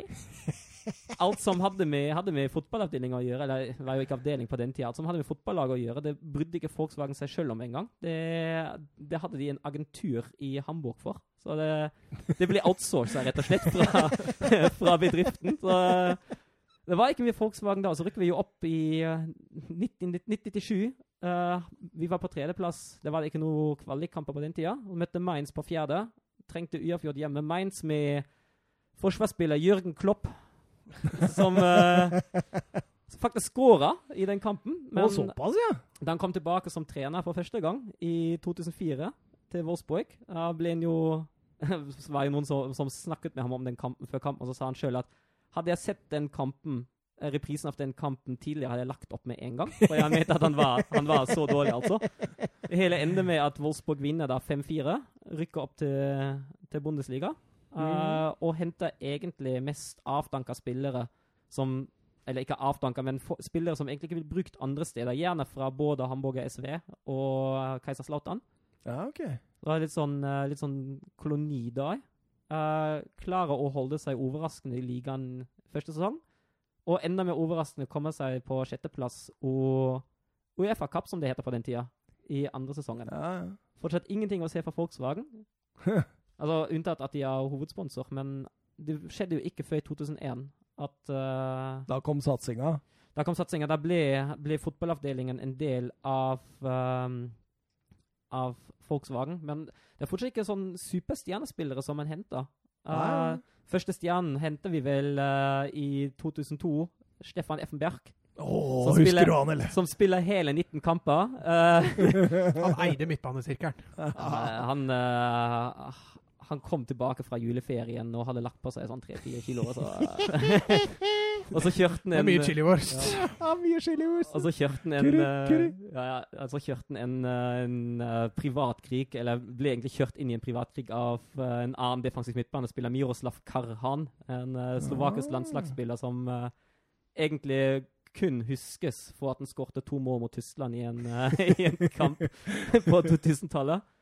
Så de to, de to kunne ikke fordra hverandre. Og Effenberg går jo da etter 19 kamper han går til Dubai eller noe sånt. Oh. Men så bygger jo Volkswagen etter hvert uh, ny stadion, Volkswagen Arena. Uh, åpning seint i 2002. Uh, Mhm. ny hjemmebane. Den gamle var jo Eller ah, den står fortsatt, men ganske falleferdig. Egentlig ikke brukbar stadion for Bundesliga. Okay. Og så kommer satsinga. Men vi rykker jo nesten ned to ganger. Mhm. 05-06, 06-07. 05-06 har vi en ekte nedrykksfinale, akkurat som vi hadde i 1996-97, opprykksfinalen mot Mainz. Ja, ok. Nesten ti år seinere sitter vi på 15.-plass, møter Kaiserslautern med den tidligere Wolfsburg-treneren Wolfgang Wolf. Fortsatt treneren som har vært Ja, Wolfgang Wolf i Wolfsburg. Ja. Fortsatt til den Du, dagen du hørte det sjøl, ja. Ja, ja. ja, til og med da han, da han kom i 1998, var det til og med amerikanske aviser som berettet om det. Wolfgang Wolf i Wolfsburg. Wolfgang Wolf i Wolfsburg. Og fram til den dagen er Wolfgang Wolf fortsatt en trener som har sittet lengst i Wolfsburg i Bundesliga. Ja, det, det må jo på grunn av navnet. Det må jo være det. det, må jo være det. Men, uh, Men når kom Tsjeko og den gjengen der, da? Felix Magath. Felix Magath det kommer etter, etter at vi nesten rykka ned igjen i 2007. Uh, redda oss ved å spille 2-2 uh, 2-2 i Aachen. En kamp jeg var på sjøl. På gamle tivoli. Fantastisk atmosfære, fantastisk stadion. Oh. Uh, synd at det går som det går med Alemania Aachen. Fantastisk, eh, fantastisk klubb, egentlig. Men dessverre å finne bare på fjerdenivå for tida. Og såpass, ja. veldig synd. Ja, de rykka rett ned igjen i 06-07. Det var jo dem eller oss. Og så rykka de ned, og så De spilte mot Paderborn for noen år siden, de da, altså, eller? Er ikke de sånt lag som har rykka opp en haug veldig, veldig jojo. Men Ja. uh, jeg, Det husker jeg kan godt tenkes. Men Ja. Uh, ja altså Ja, det jeg veit ikke. Men i hvert fall så kommer da inn Felix Magath. Klaus Augenthaler er ferdig uh, som trener på den tida. Han, eh, han får sparken, og så henter, henter Volkswagen inn Magath. Og det som var revolusjonærende, var ikke at vi henta inn Magath, som hadde fått fuken i Bayern etter å ha vunnet The Double to ganger på rad. um, får en sparken i tredje sesong. Um, men det, det er ostetreneren. Uh, Han som ba Brede Hangeland om å ta på smøre på noe ost på skaden sin. Ja, det er det. Ja, I fulle. altså, vi hadde nok oppfattet han, han er nok en utdatert trener nå, men uh, det, det Volkswagen gjør, at han ikke bare blir trener, han blir manager til den engelske modellen. I Tyskland er det jo mer vanlig at man har en sportsdirektør og en trener. Mhm. Men Magath får da fullstendig ansvar for alt det sportslige rundt klubben. Han henter spillerne sine sjøl, han trener spillerne han henter, uh, og bygger da opp et nytt lag. Og så finner han uh, finner Edin Djeko eh, i Teplice. Mhm. Uh, henter han for 4 millioner euro. Selger han uh, seinere for 35, så det var, Ja. det var en god deal, det Det er god business, Mats. God. Eh, på nesten siste dagen av overgangsvinduet kommer da Graffiti, eller Grafitte, den brasilianske spissen. Henta, I andre året henta han Misimovic. Henta folk som Sasha Rita Marcel Schäfer, som nå er sportsdirektør No. Uh, under sportssjefen Schmatke. Uh, Christian Gentner, uh, Diego Benaglio. Så alle de spillere kommer under Magath. Andrea Basali hentes av Magath. ja. Blir eh, ja, blir, blir femteplass første sesong, og så vinner vi da seriegull i oh, det husker jeg. 08-09. Vi Ja. spiller 17 hjemmekamper, vinner 16 av de. Spiller uavgjort mot Eintracht Frankfurt Uh, i, i, runde, i runde tre. Det er 2-2. Ellers vant vant vi alle. Men, men per nå så er det et stykke opp for Wolfsburg til å vinne serien? eller? Ja, det skjer jo ikke med det første igjen. Nei, så, så sånn med tanke på Sandra, som allerede har Aston Villa, Så burde hun velge Betis, Fiorentina, altså for egen del, altså Sandra, velg Wolfsburg. Dette ja, det, her pass, blir gøy. det passer Det inn passer inn i inn gjengen hennes, eh, og ja. hør på dette, en nydelig historie. Ja, så skulle, skulle, hvis jeg absolutt vil ha flere Hvis jeg ville vinne noe, da, så bør jo selvfølgelig Bayern være selvskreven. Men hvis du vil ha litt historie og litt, uh, litt sjel, altså Ja, men jeg synes, I forhold til den lista hun setter opp, så er jo Wolfsburg perfekt. Ja, passer fint inn. Ja. Altså holder vi, vi holder jo på. Jeg har alle de rykkene fra Bundesliga, faktisk. Spiller vårt 22. år nå. Eh, Samme som Lillestrøm. det. Ja. Altså, vi har alle aldri rykka ned fra, Fra Bundesliga. men uh, i hvert fall bygget var jo, det er jo Det er jo en liten by, men det begynner å bygge seg opp en, eh, en ganske brukbar supporterkultur nå. Så det begynner å bli, det begynner å bli bedre. Det er jo sånn, kommer jo igjen i media med- på tanke på begredelig Har spilt uh, Europaliga mot uh, ukrainske Oleksandria. Dukket opp 10 000 tilskuere, men eh, det er litt sånn rar bu, hele den avhengigheten av Volkswagen. Altså, jeg skal ikke bare forsvare det med det, men det er litt Kampen klokka ni det er for seint for tidligskifte dagen etter, og det er for tidlig for seinskifte som fortsatt er på jobb. Mm. Så det Men du har familie som har jobba i Volkswagen nå, du? da? ja, ja, begge, begge foreldrene mine har jobba der. Ja. Så det er ikke rart det, han er Wolfsburg-gutt.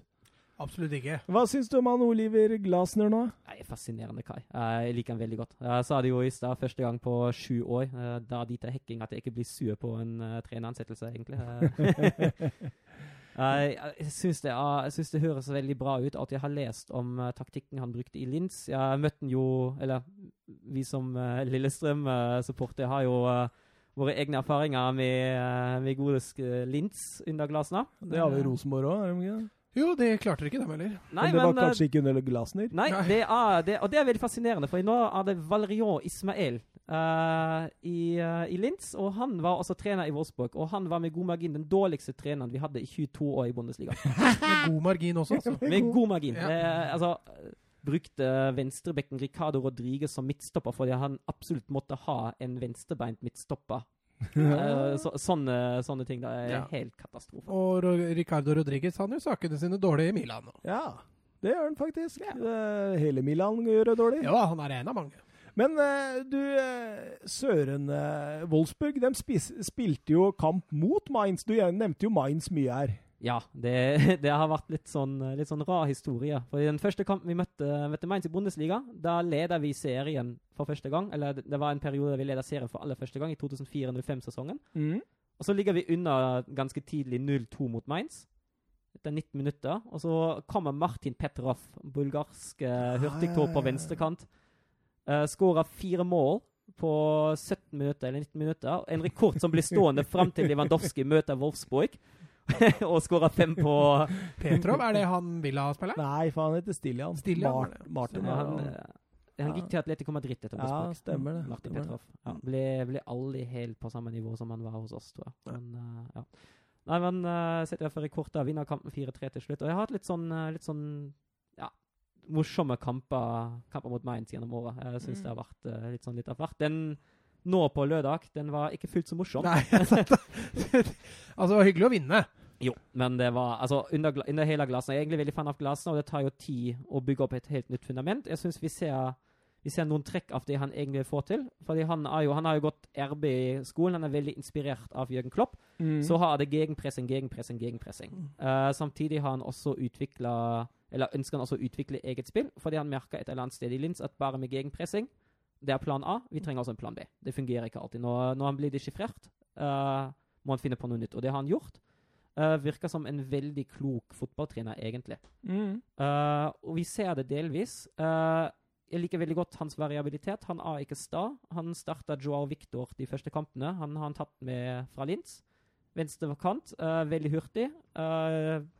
Eh, ikke vist så mye annet enda, Så at ikke det fungerte, så da fikk Brekkalo startplassen. Ja, okay. Samme skjedde på, skjedde på høyre kant med Felix Klaus, som starta. Uh, funket ikke fullt så bra, så da var det Atmir Mehmedi som kom inn. Uh, og så har vi vært ganske åpne på den sentrale midtbanen. Uh, blitt ganske litt overspilt der. Det skyldes først og fremst at Xaver Slager, kanskje den beste overgangsspilleren vi har, han uh, brekker ankelen i tredje serierunde etter ti minutter mot Paderborn. Må da ut, og så spilles det med uh, Maxi Arnold uh, som dyptliggende playmaker, og Ok. Jannik Gerhardt som box-to-box-player. Uh, Gerhardt er dessverre litt ute av form. Arnold grei nok, men litt varierende han òg. Og da har vi, sliter vi både mot Düsseldorf og mot Hoffenheim med at vi får mange angrep gjennom midten. Uh, Motstanderen kommer seg for lett i rommet foran forsvars, uh, Mm. forsvarstreeren eller forsvarsfemmeren. Mm. Uh, og har det ganske greit med å prøve å spille dem ut ved hurtighet. Så han reagerer. Han trekker uh, Joshua Gilavogi, lagkaptein, franskmann, opp fra, midtbane, uh, fra forsvarssentrum tilbake i midtbanen ved siden av Arnold for å tette litt der. Uh, og setter Jeffrey Broma, en spiller som egentlig skulle forsvinne og selges, Mm. sentralt i forsvar. Spiller sin første kamp for Wolfsburg i Bundesliga siden mai 2018 mot Mainz. Og gjør det, gjør det ganske så bra. Mm.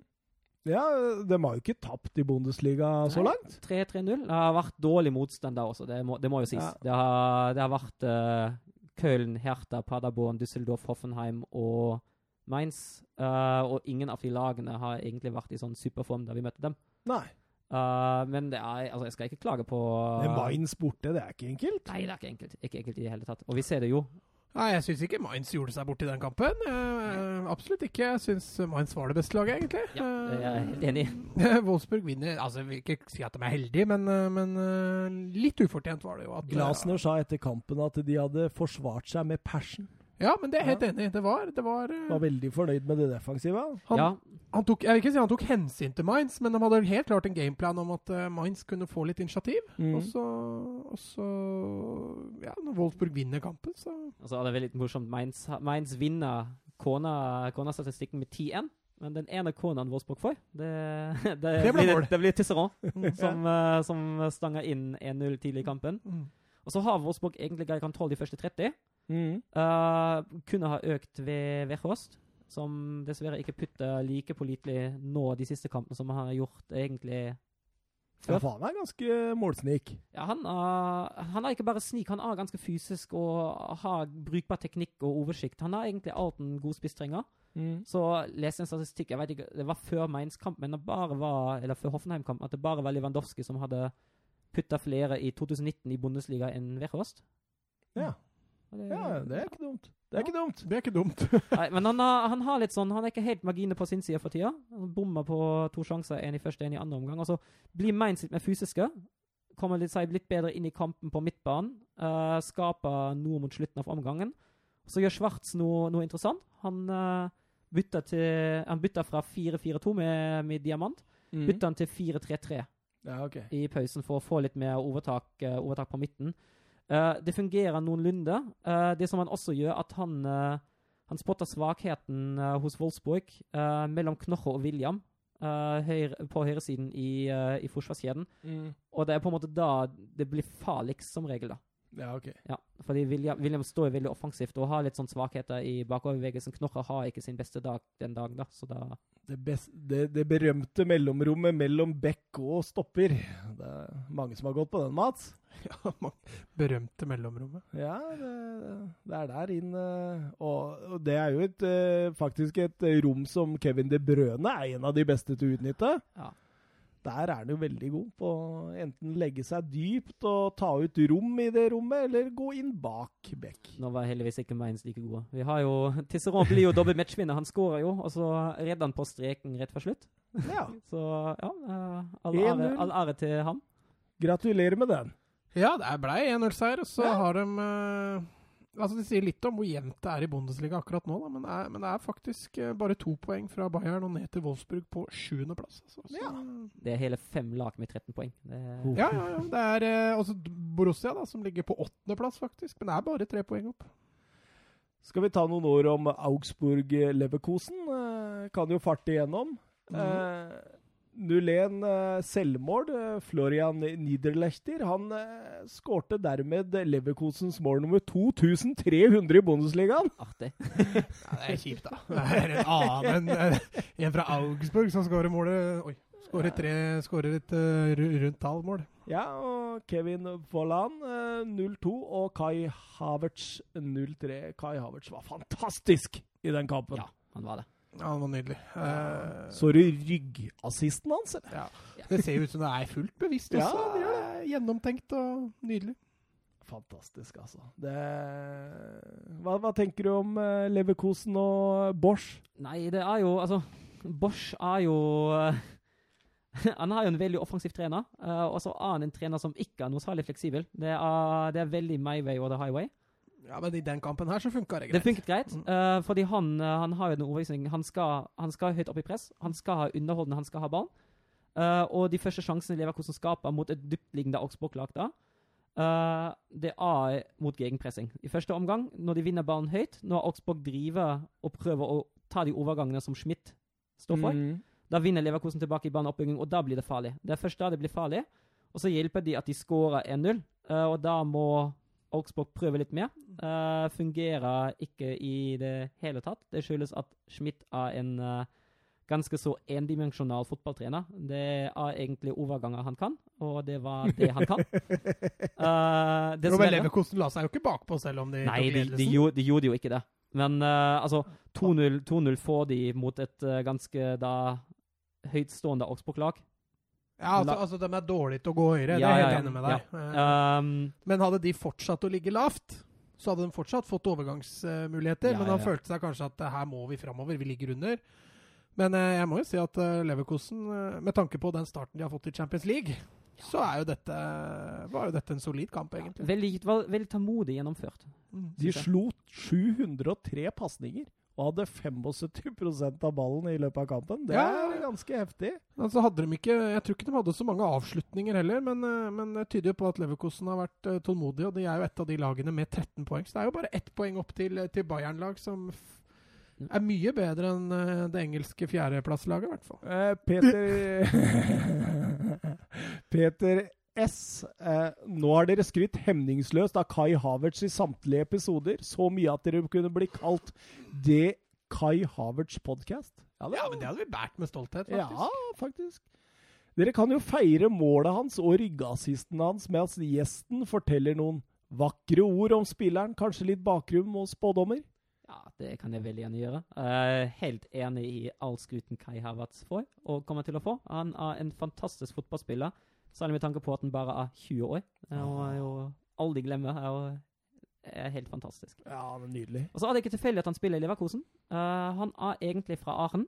Uh, spilte som åtteåring i Alemania Mariadorf, en bydelsklubb i Aachen.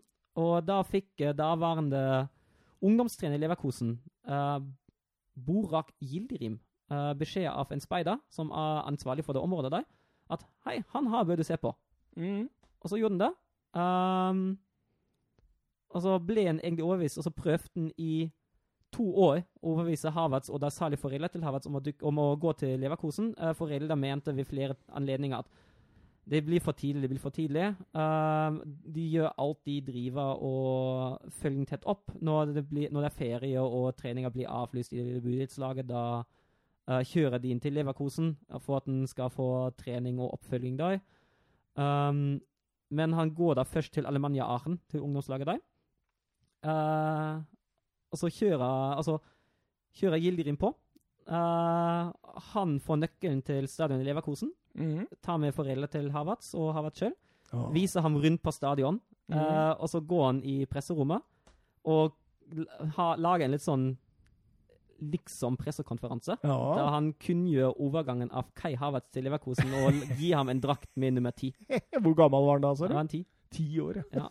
Og, så, og, så, gjorde det åpenbart såpass stort inntrykk at da, da måtte bli Leverkosen for ham. Og det, det, har gjort seg veldig betalt for klubben. Ja, ja, fantastisk spiller. Men Går han til eh, Bayern München, eller går han til noen andre lag? Det er vanskelig å si. Um, både, det er noen, det er mange som sier at han må jo til Bayern, annet en eh, viss Matheus. Lota Matheus, ja. Bayern, Bayern, burde hente ham, det er jeg helt enig i. Ja. Uh, de prøvde seg nå. Det har Rodi Føller bekrefta, de prøvde å hente den. Uh, da sa de nei. Uh, Havertz har kontrakt til 2022.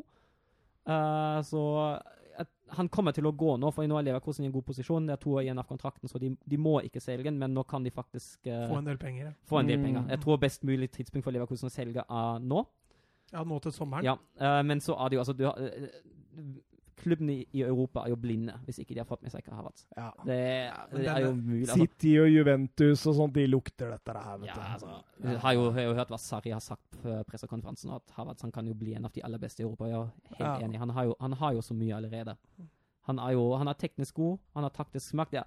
Han har en sans for rommet, både hvordan han skal bevege seg og hvordan han skal slå pasninger. Det er nydelig. Han løper mellom forsvarslinjene som om det er ingenting. Det er Kreativiteten er helt enorm. Men, men eh, du så en sånn liten svakhet hos han også når det går dårlig. Ja, at han, han kunne bli litt sånn ja, Han blir litt lei, Ja. liksom. Ja, Ja. Ja, han har Men altså, det gjelder har jo alle de beste. Altså, du ser Ronaldo, Messi, alle de gutta der. Den blir jo litt der òg, men, men det må kanskje være den lille svakheten som vi har greid å spotte hos han nå. Da, at eh, Ja. når ting går dårlig, så melder han seg litt ut. Ja, og så er det noen ganger litt rotete i pasninga. Uh, og så kan høyrefoten sikkert bli litt bedre. Altså, men det er jo, det er jo klaging på, på veldig høyt nivå. Ja. Så det er litt sånn Flisespikkeri, sier Ja, det er jo det. Altså, han, han har jo egentlig fantastisk mentalitet. Eh, han, Mm. han prioriterte jo utdanning. Han har jo eksamen artium. Uh, og han dropper jo en hel treningsuke og en uh, bondesligakamp for å ta eksamen. Eh, og det, det viser jo egentlig den gode innstillingen han har uh, til å gjøre ting fornuftig. Uh, og prioritere det som på en måte er viktigst. da. Det kommer et liv etter fotballkarrieren òg. Ja, det gjør det. Så det, det er en sånn typisk til spiller da, som ikke nødvendigvis bare hopper på Bayern München, men prøver å finne en klubb Litt som passer han. Ja, Ja, litt sånn. Martin Ødegaard-opplegg, ikke sant? Ja. Som, Nja. Ja, men altså, altså Gikk til Real Madrid som 15-åring, er det Ja, men jeg tenker i forhold til det han gjorde med Real Sociedad nå. Jo, jo, jo. For der var det jo men, men nå har han jo blitt seks år eldre òg, da, enn eh, når han gikk til Real Madrid. Martin Ødegaard kunne jo havna i Leverkosen. Kunne det. Uh, var litt rett for konkurransesituasjonen. Eh, ikke helt ubegrunna når de har Når du ser hvor god Ødegaard har vært nå Ja, ja, ja, men Han hadde fått plass på det Leverkosen-laget. Ja, men altså, det er jo det er, jo, det er noe helt annet hvis du har faktisk Kai Havertz, som er din egen, og så har du Amiri, som ikke er særlig gammel heller, og så har du Demeberg, som ja, han spiller litt med tilbaketråkk, men kan også være et kreativt element i, i angrepsspillet. Mm. Så har du en lånespiller. Altså, jeg skjønner jo på en måte at Leverkosen ikke prioriterer utdanning til en spiller som ikke er deres egen. Ja, Ja. det forstår jeg absolutt. Men hvis Og- du sammenligner hva Ødegaard har prestert Ja, ja, til nå, og så er det, er det jo i mine øyne i hvert fall da bare Kai Havert som over, kanskje overgår Ødegaard eh, i Ja. det han har prestert. Så, men jeg er helt enig med deg at eh, de har tre spillere de eier og skal utvikle, så blir jo ikke Ødegaard eh, prioritert. Nei. Så at Ødegaard valgte Sociedad, det tror jeg var korrekt for alle parter. Men uh, jeg har, hvis jeg får lov, jeg har noen fun facts rundt Kai Havertz. OK, kjør på. Ja, han, er- han er Leverskosens yngste målskårer og spiller i Bundesliga. Mm -hmm. uh, kanskje ikke overraskende. Men, det eh, var ikke så fun. Nei, men uh, sin første kamp i Bremen uh, skulle, Der skulle han egentlig ikke spille. Uh, han var ikke i troppen, og så ble Ja, altså spille for Leverkosen mot Bremen. Mot Bremen, ja. Ja. Eh, bortekamp i Bremen. Eh, Lars Bender blir da skada i Bremen. Eh, så Kai Havertz får telefonen at hei, du, vi vil ha deg i troppen likevel. Så blir han kjørt opp til Bremen, tre og en halv time fra Leverkosen. Han er jo 17 år gammel, han har jo ikke førerkort i det hele tatt. og så får han uh, bli bytta inn etter, etter 83 minutter for sine første, sine første minutter i Bundesliga. Og så er det spilleren som har assisten på det 50 000. målet som noensinne blir skåra i Bundesliga. Oi, oi, oi. Det er det Havert som har. Nei, det er, han er assisten. Det er Karim Bellarabi som skåra Ja, i, i, i, februar 2017. Ja, men Havertz har assisten. Bellarabi, ja. Altså- Og så er han den første U20-spilleren som har skåra 17 mål i Bundesliga I en og samme sesong. i en og samme sesong. Det var i siste sesong. Det var forrige sesong, ja. Videre til eh, Hoffenheim eh, Borussia München Glabach 0-3. Eh, Plea 0-1. Turam 0-2. Og eh, Florian Neuhaus, som jeg har fått litt sansen for i løpet av den siste tida. Ja, vi så han jo i U21-EM. Han var jo brukbar der også. Eh, Turam har jo virkelig begynt å komme i gang, i hvert fall med å skåre mål. Selv om Ja. han ikke alltid er like stabil i prestasjonene. Så. Og Plea han nevnte vi jo før sesongen også. Ja, Så absolutt. eh, dette Gladbach-laget ser, eh, ser bra ut. Det ser bra ut. Og Marco Rosa, han er jo, eh, er jo opptatt av gegenpress og stå høyt, han òg. har eh, han har gått RB-skolen han nå. Det var jo, Råse var jo ønsket i Wolfsburg også. Han gikk til, han gikk til München-Glattberg, og så bestemte Wolfsburg seg Ja, stemmer nei, det. Da henter vi Glasner. Ja, stemmer det. Det hørte jeg Rune sa en gang. Ja, det stemmer. Eh, Uh, Borussia München-Gladbach de uh, har vunnet alle sine tre siste bortekamper. Og det er det første gang de har gjort siden 1981-82-sesongen. Så Rosa har jo begynt bra, da. Nordtveit får fortsatt ikke spille. Er han langt unna å få spille, eller? Han har sittet på benken i fem av seks kamper. Ja. uh, samt cupkamp, eh, pluss cupkampen i tillegg.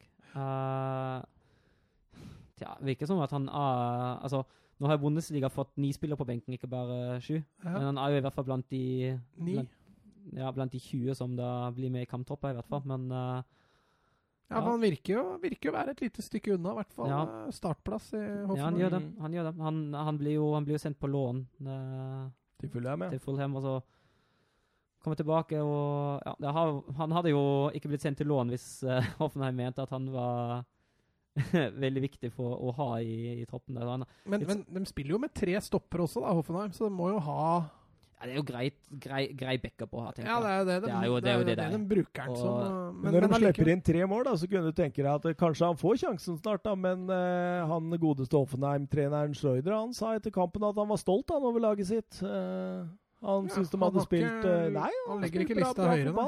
Nei, og så har jo Hoffenheim ikke noen internasjonale kamper i år. Han fikk jo en del sjanser i fjor, da Nagelsmann måtte ta litt med hensyn til til at det var internasjonale kamper, samt at mm. noen spillere ble skada uh, bak da, så da fikk han spille litt i Eller fikk han spille en del i høstsesongen i fjor. Mm. Men, men, det, men, dette Offenheim-laget det virker jo ikke lovende start. Nei, altså. Vi, det... vi tippa dem jo litt høyere på tabellen. hvert fall. De har vel én seier så langt, eller noe sånt, tror jeg. Ja, de, de har ikke starta bra. Uh, det skyldes jo også uh, Det skyldes også to ting. Uh, det skyldes at de har mange skader framover. Uh, Kramaric er skada, den beste spissen de har. Ja. De har, de har mista Demir Bay, Amiri og Joe Linton. Mm.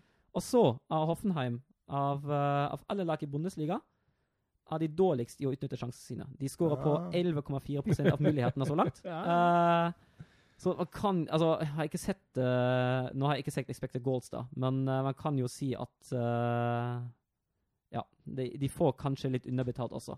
Mm. En, så det kan komme til å snu? Det ligger litt i kortet at det snur? Tja, det jeg har ikke fulgt dem veldig tett, men på Wolfsburg var de ikke særlig dårlige. Altså. Det var, var en jevn kamp. Kunne, kunne godt ha vunnet mot slutten.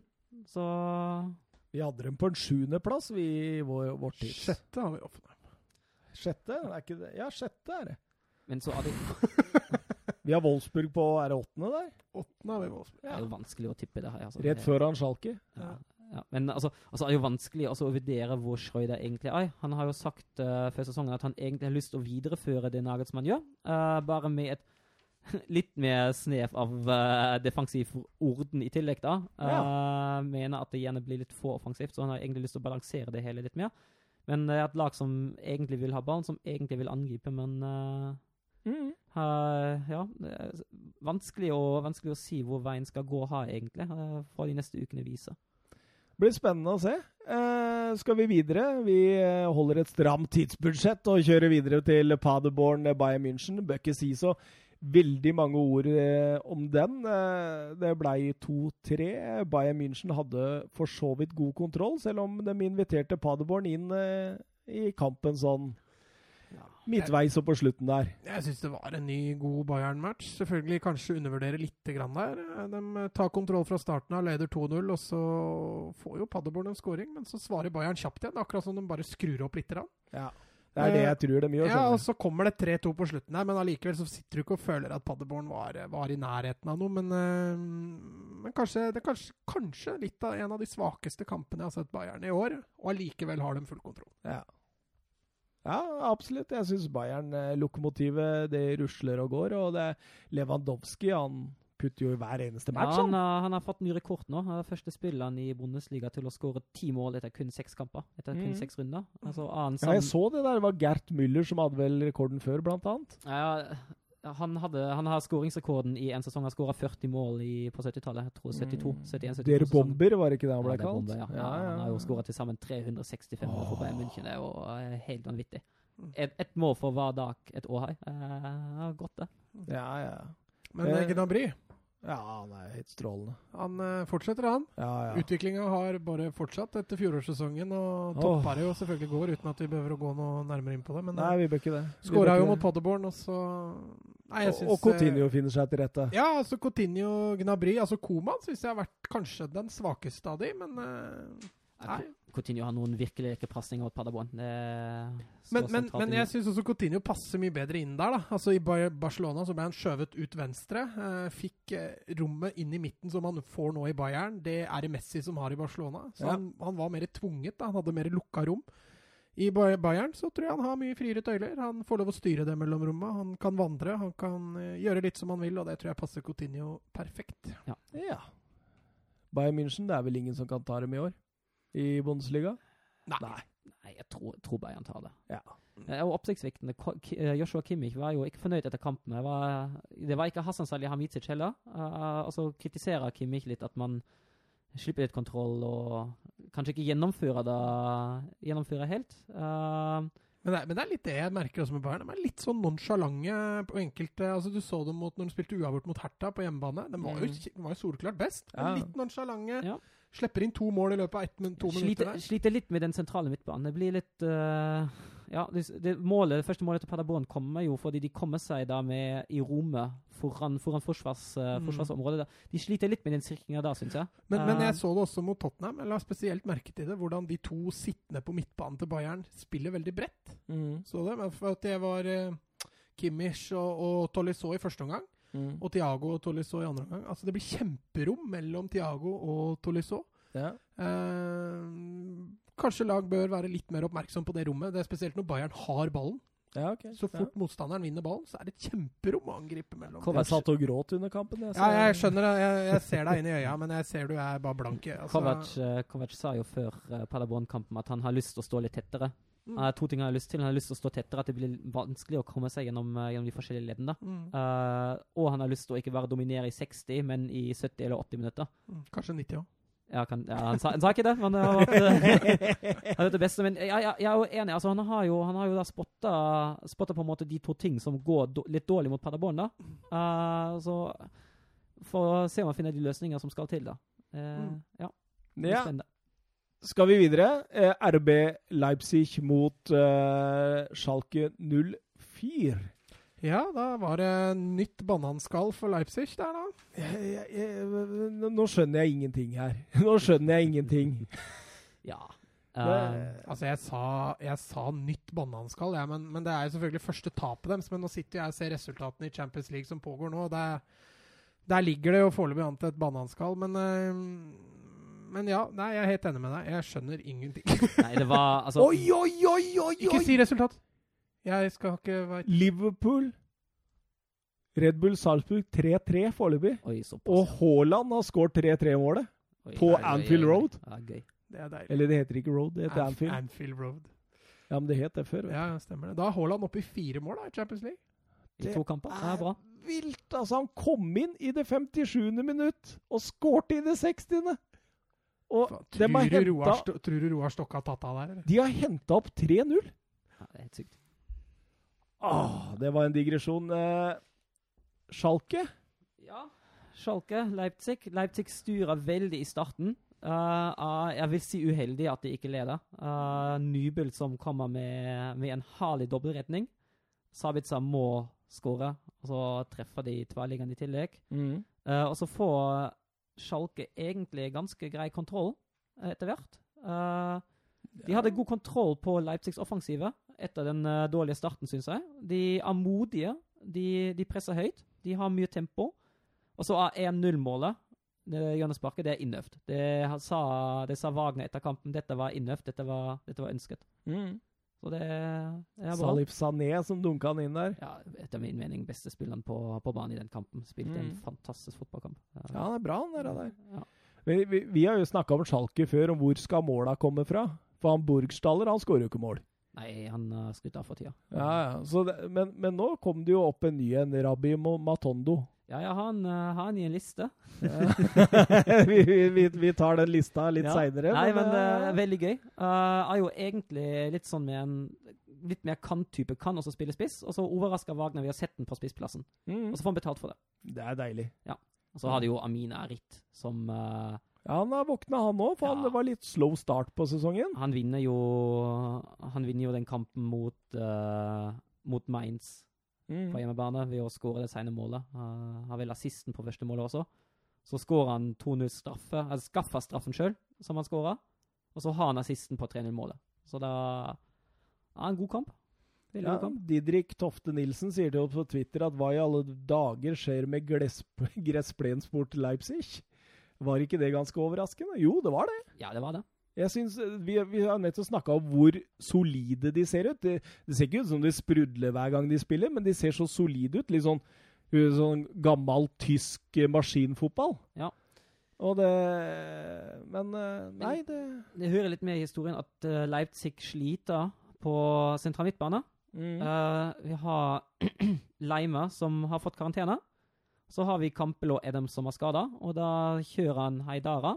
Uh, Nagelsmann, på den ene sentrale midtbaneposisjonen defensivt mot, uh, ved siden av Demma, så har Haidara en fryktelig fotballkamp. Han taper, mm. han taper to tredjedeler av duellene han er i, som defensiv midtbanespiller. Det er dårlig. Så skaper han, eller lager straffe mot, mot Arit i tillegg. Så ja. ligger en nøkkelposisjon der. Og da skal vi videre over til Borussia Dortmund mot Werder Bremen. og Det ble 2-2, og det betyr at eh, begge de to største utfordrere til Bayern tapte. Eller tapte poeng. Ja, tapte terreng. Dortmund greide jo 2-2. Det var egentlig Jeg syns Verde Bremen gjennomfører en, en, en, disiplinert god kamp, men det var, det var et lite ran. altså Dortmund, Spesielt i første omgang. Jeg syns de høvler over Verde Bremen i, i perioder. altså. Ja, det er absolutt. Eh, jeg, jeg, tenker jo liksom at uh, dette her er jo kamper de må vinne. Men jeg, som jeg sa til Søren også når vi satt i bilen, at det, det virker så altså, Dortmund det virker så skjørt.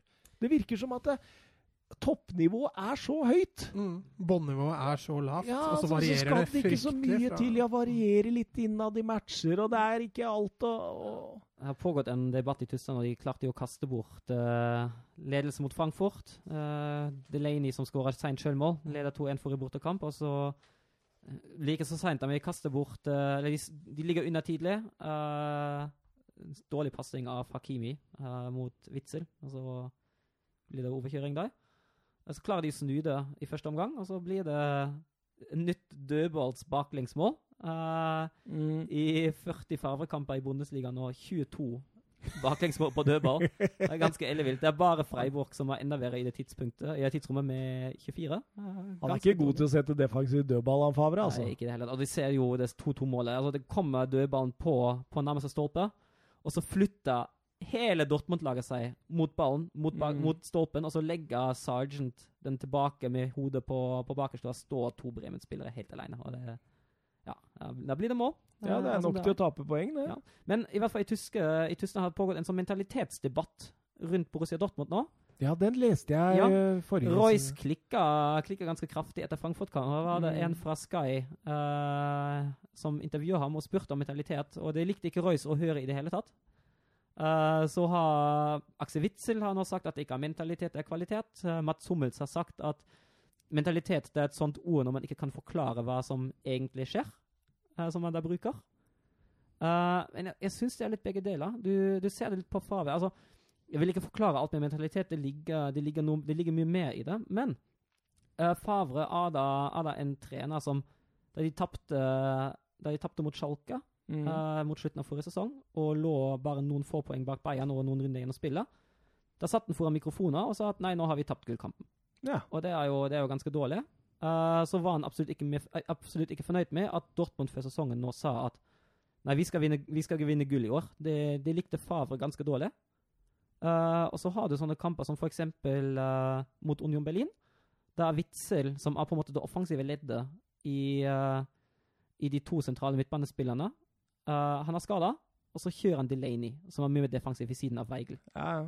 Og da vil jeg ikke si at det har hele skylda, men jeg mener fortsatt at denne treneren da, på den måten, han tar jo innflytelse og tar vekk litt vinnermentalitet fra laget. Mm. Jeg, jeg, mener det. Ja. Nei, men uh, Favre er ikke voldsomt imponert over han, Jeg føler han har en plan A? Ingen plan B?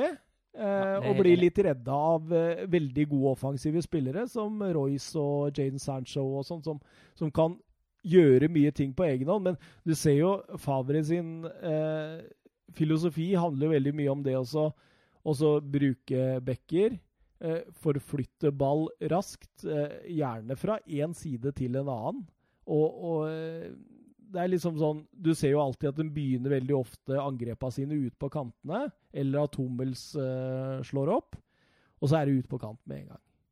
Enten at de rett og slett bearbeider og, og, skyver over, eller at de skyver raskt over.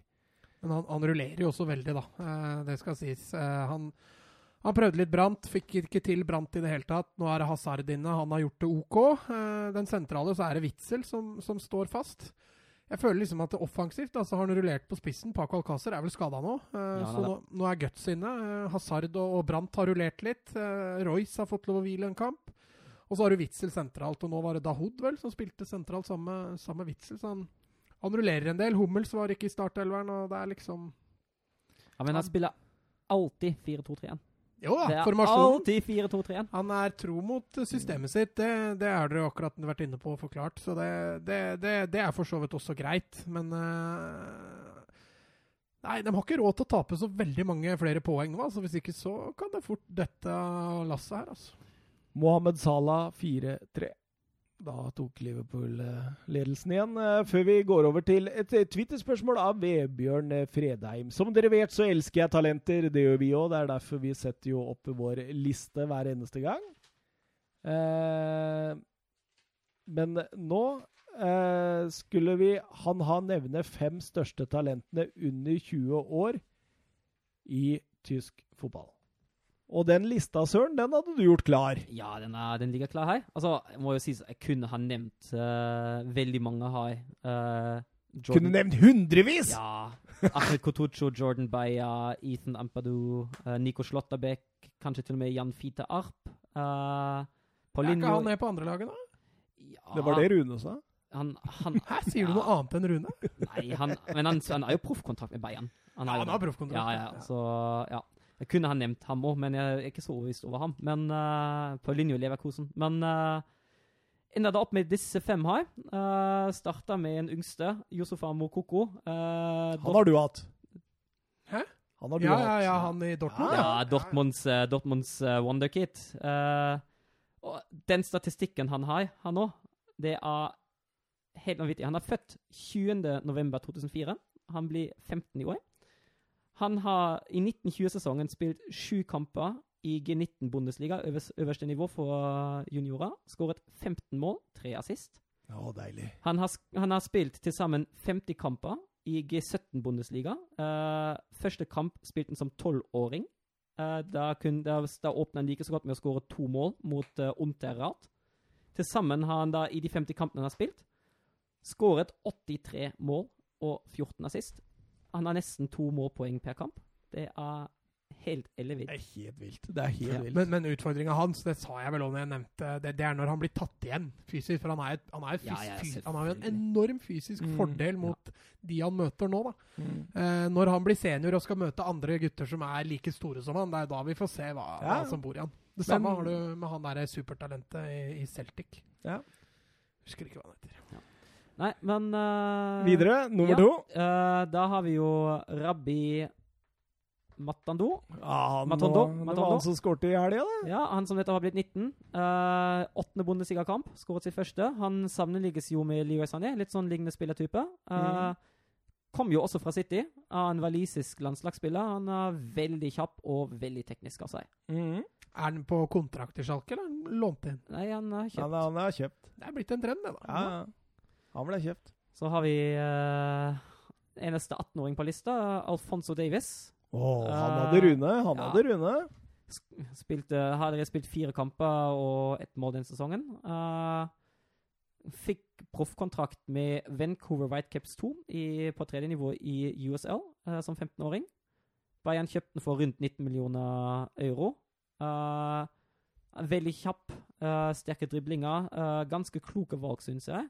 Uh, god første touch, jobba bra. Uh, men han er litt sånn, litt sånn ukonstant. Jeg så han faktisk i opprykkskampen da han spilte for Bayern 2 mot Wolfsburg 2. Uh, Mhm. Da var han helt skutt av. Uh, da var han ikke noe bra.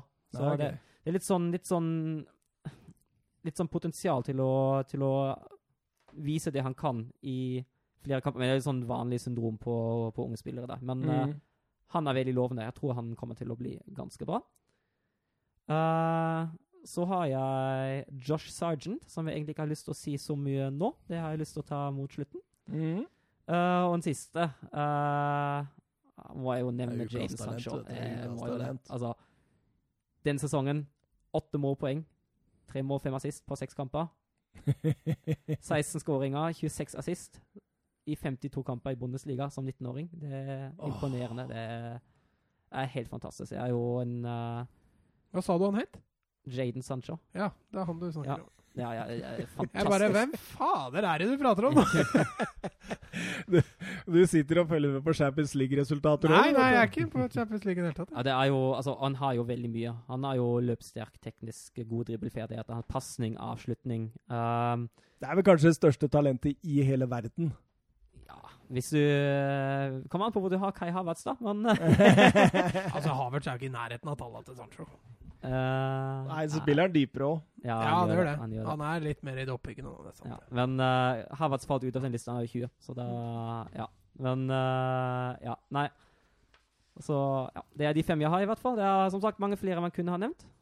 Men Ja. uh, ender opp med de fem. Men Fredheim kan jo følge de fem. Det kan han. Det kan han. Uh, sannsynligvis følger han Sancho allerede, tror du ikke det? Ja, han må jo det. All, hele verden følger jo Sancho. Uh, litt sånn anonym nå forrige kamp. Ja. Ikke, ikke på sitt beste, men det vil jo svinge, ja, sagt, ikke sant? Han er jo, han er jo litt, litt Altså, litt ukonstant. Uh, litt sånn mentale utfordringer i starten. Han var, Første året i Dortmund var han litt sånn udisiplinert. Kom litt sånn for seint for treninga noen ganger. Han, uh, han har jobbet veldig med det nå, uh, mm. men altså, det jo klart det går jo ikke fra null til 100. Det er jo en Altså, det mentale er jo en prosess som tar tid. Det er jo helt klart. Vi druser litt innom Serie A òg. Vi får ikke tid til veldig mye, men litt Serie A. Eh, Juventus eh, vant eh, 2-0 over Spal. Eh, sleit lenge der. Eh, før Mirilam Pjanic eh, satt eh, 1-0 på en nydelig scoring fra langt hold. Ja, uh, Du sendte meg lagoppstillinga til Juventus før kampstart der. og Det var jo fryktelig offensivt med Cuadrado og Matuidi på hver sin bekk. og Han hadde fått plass til både Rabiot, Ramsey og Dybala og Ronaldo. og Ja, altså, han kjørte to forsvarsspillere. Han kjørte to ja, Cuadrado har vel spilt back før, i hvert fall wingback. Men uh, jeg er helt enig med deg. Det var voldsomt mye offensivt, men eh, de butta, butta, butta. Skal vi snakke litt Buffon, eller? Han uh, slo uh, rekorden for klubbkamper i ah, denne helga. 903 klubbkamper da, i profesjonelt nivå. Er, uh, Og det men han går er litt sånn legende, måten han er på. Ja. sånn, er, er helt nydelig. Og det, om seks kamper så vil han eh, tangere Paolo Maldini sin rekord om 648 serie A-kamper. Den tror jeg han får i år. Den får han nok i år, selv om han deler litt tid med Stenchny. Mm. Eh, ja, Juventus, eh, som jeg var litt inne på, de sleit litt. Jeg syns ikke de fyrer på alle sylindere enda, altså. Nei, det butt, jeg syns det butter litt. Og du så også han godeste Sarri gikk litt vekk fra sin faste 4-3-3 i den kampen her. Han kjørte med en offensiv midtbanespiller og, og tre litt mer dypere sentrale med, med Kedira Rabiot. Det var vel litt derfor han ville ha Cuadrado og Matuidi på bekkene, for å få offensive bekker. Men eh, Mm. uh, at det skal løsne med en gang eh, når du aldri har spilt sånn før, det, det er kanskje ikke å forvente. Men han følte vel at Spal var en god motstander å få prøvd ut noe nytt. Ja, Ramsey var bra. Ramsey Eh, Rabiot er ikke så bra ennå. Nei, du sa jo det at han kom til å ha en fantastisk høstsesong. Ja, jeg tror det. Og så kommer han til å duppe av. Kanskje det blir omvendt? Ja, kanskje det blir omvendt. Nei, det gjør det ikke. Det, det, det, det, det ryker. Eh, men eh, jeg må, jeg må spørre Søren. Eh, Ronaldo eller Messi? Messi. Ah, Ja, det, er- men det burde du spørre alle gjestene om med, Ja. en, med en gang. For Med da, en gang, da veit vi om de kan fotball eller ikke. Ja, ok. For Ronaldo, han, det Han skåret nemlig 2-0, skjønner du. Ja, stemmer er, det. han er jo en god spiss, men uh, Messi er så mye mer enn en spiss. Messi er mer fotballspiller. Ja, han er det. Ja, altså jeg syns Ronaldo er fotballspiller òg, jeg. Altså. jeg har snakka Ronaldo opp, jeg òg. Ja, du har- du har det, Ja, altså For all del. Jeg skal ikke ta fra den, men jeg, jeg orker ikke å begynne å prate. Nei da, vi kjører videre til Sampdoria mot Inter i Milan, og der fikk Alexis Sanchez eh, et lite Inter-gjennombrudd. Ja, og så fikk han jo et utbrudd og nedbrudd etterpå, da. Så han, eh, var i hvert fall i, han var i, hvert fall i søkelyset. Ja, altså uh, Skårer 0-1 der etter 19 og 0-2 etter 21, og så får han eh, to gule kort og blir sendt ut. eh, Ja, var det Sanchez som fikk to goller? Ja, eller han Nei, han, Sansi Nei, skåret han, burde fått skårer ja, det han burde fått det, for han er jo borte inn. Ja, ja. Men det er Eh, Sensi som står ja. registrert som skår. Ja. Jo, men det var jo den diskusjonen vi hadde sist. Ja, hvor, Hvor, jeg hvorfor, hvorfor får Sensi den? Men det var derfor jeg spurte deg om det. At det er, er Alexis som har fått den? Fordi For meg så er det Sanchez, det. Det er jo sånn det alltid er. Fordi, altså Som vi også var inne på tidligere også, den der når eh, Eriksen slår inn og Kane Den subber skulderen til Kane. Det var nok til å gi Kane skåringa for eh, i Premier League. Og her er jo Han, han skifter jo retning ganske markant på Mm. Sanchez, det skuddet. Ja.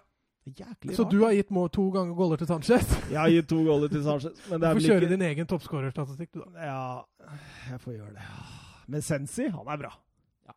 Han, er, han er drivende, altså. Jeg, jeg syns Inter eh, Voldsomt eh, solid og bra lag, altså. Uansett. Og han skifter og han roterer litt. Og Lukaku satt på benken denne gangen, og sånt, men likevel. Syns det var bra struktur i, i angrepsspillet. av det jeg så. Eh, så lovende ut.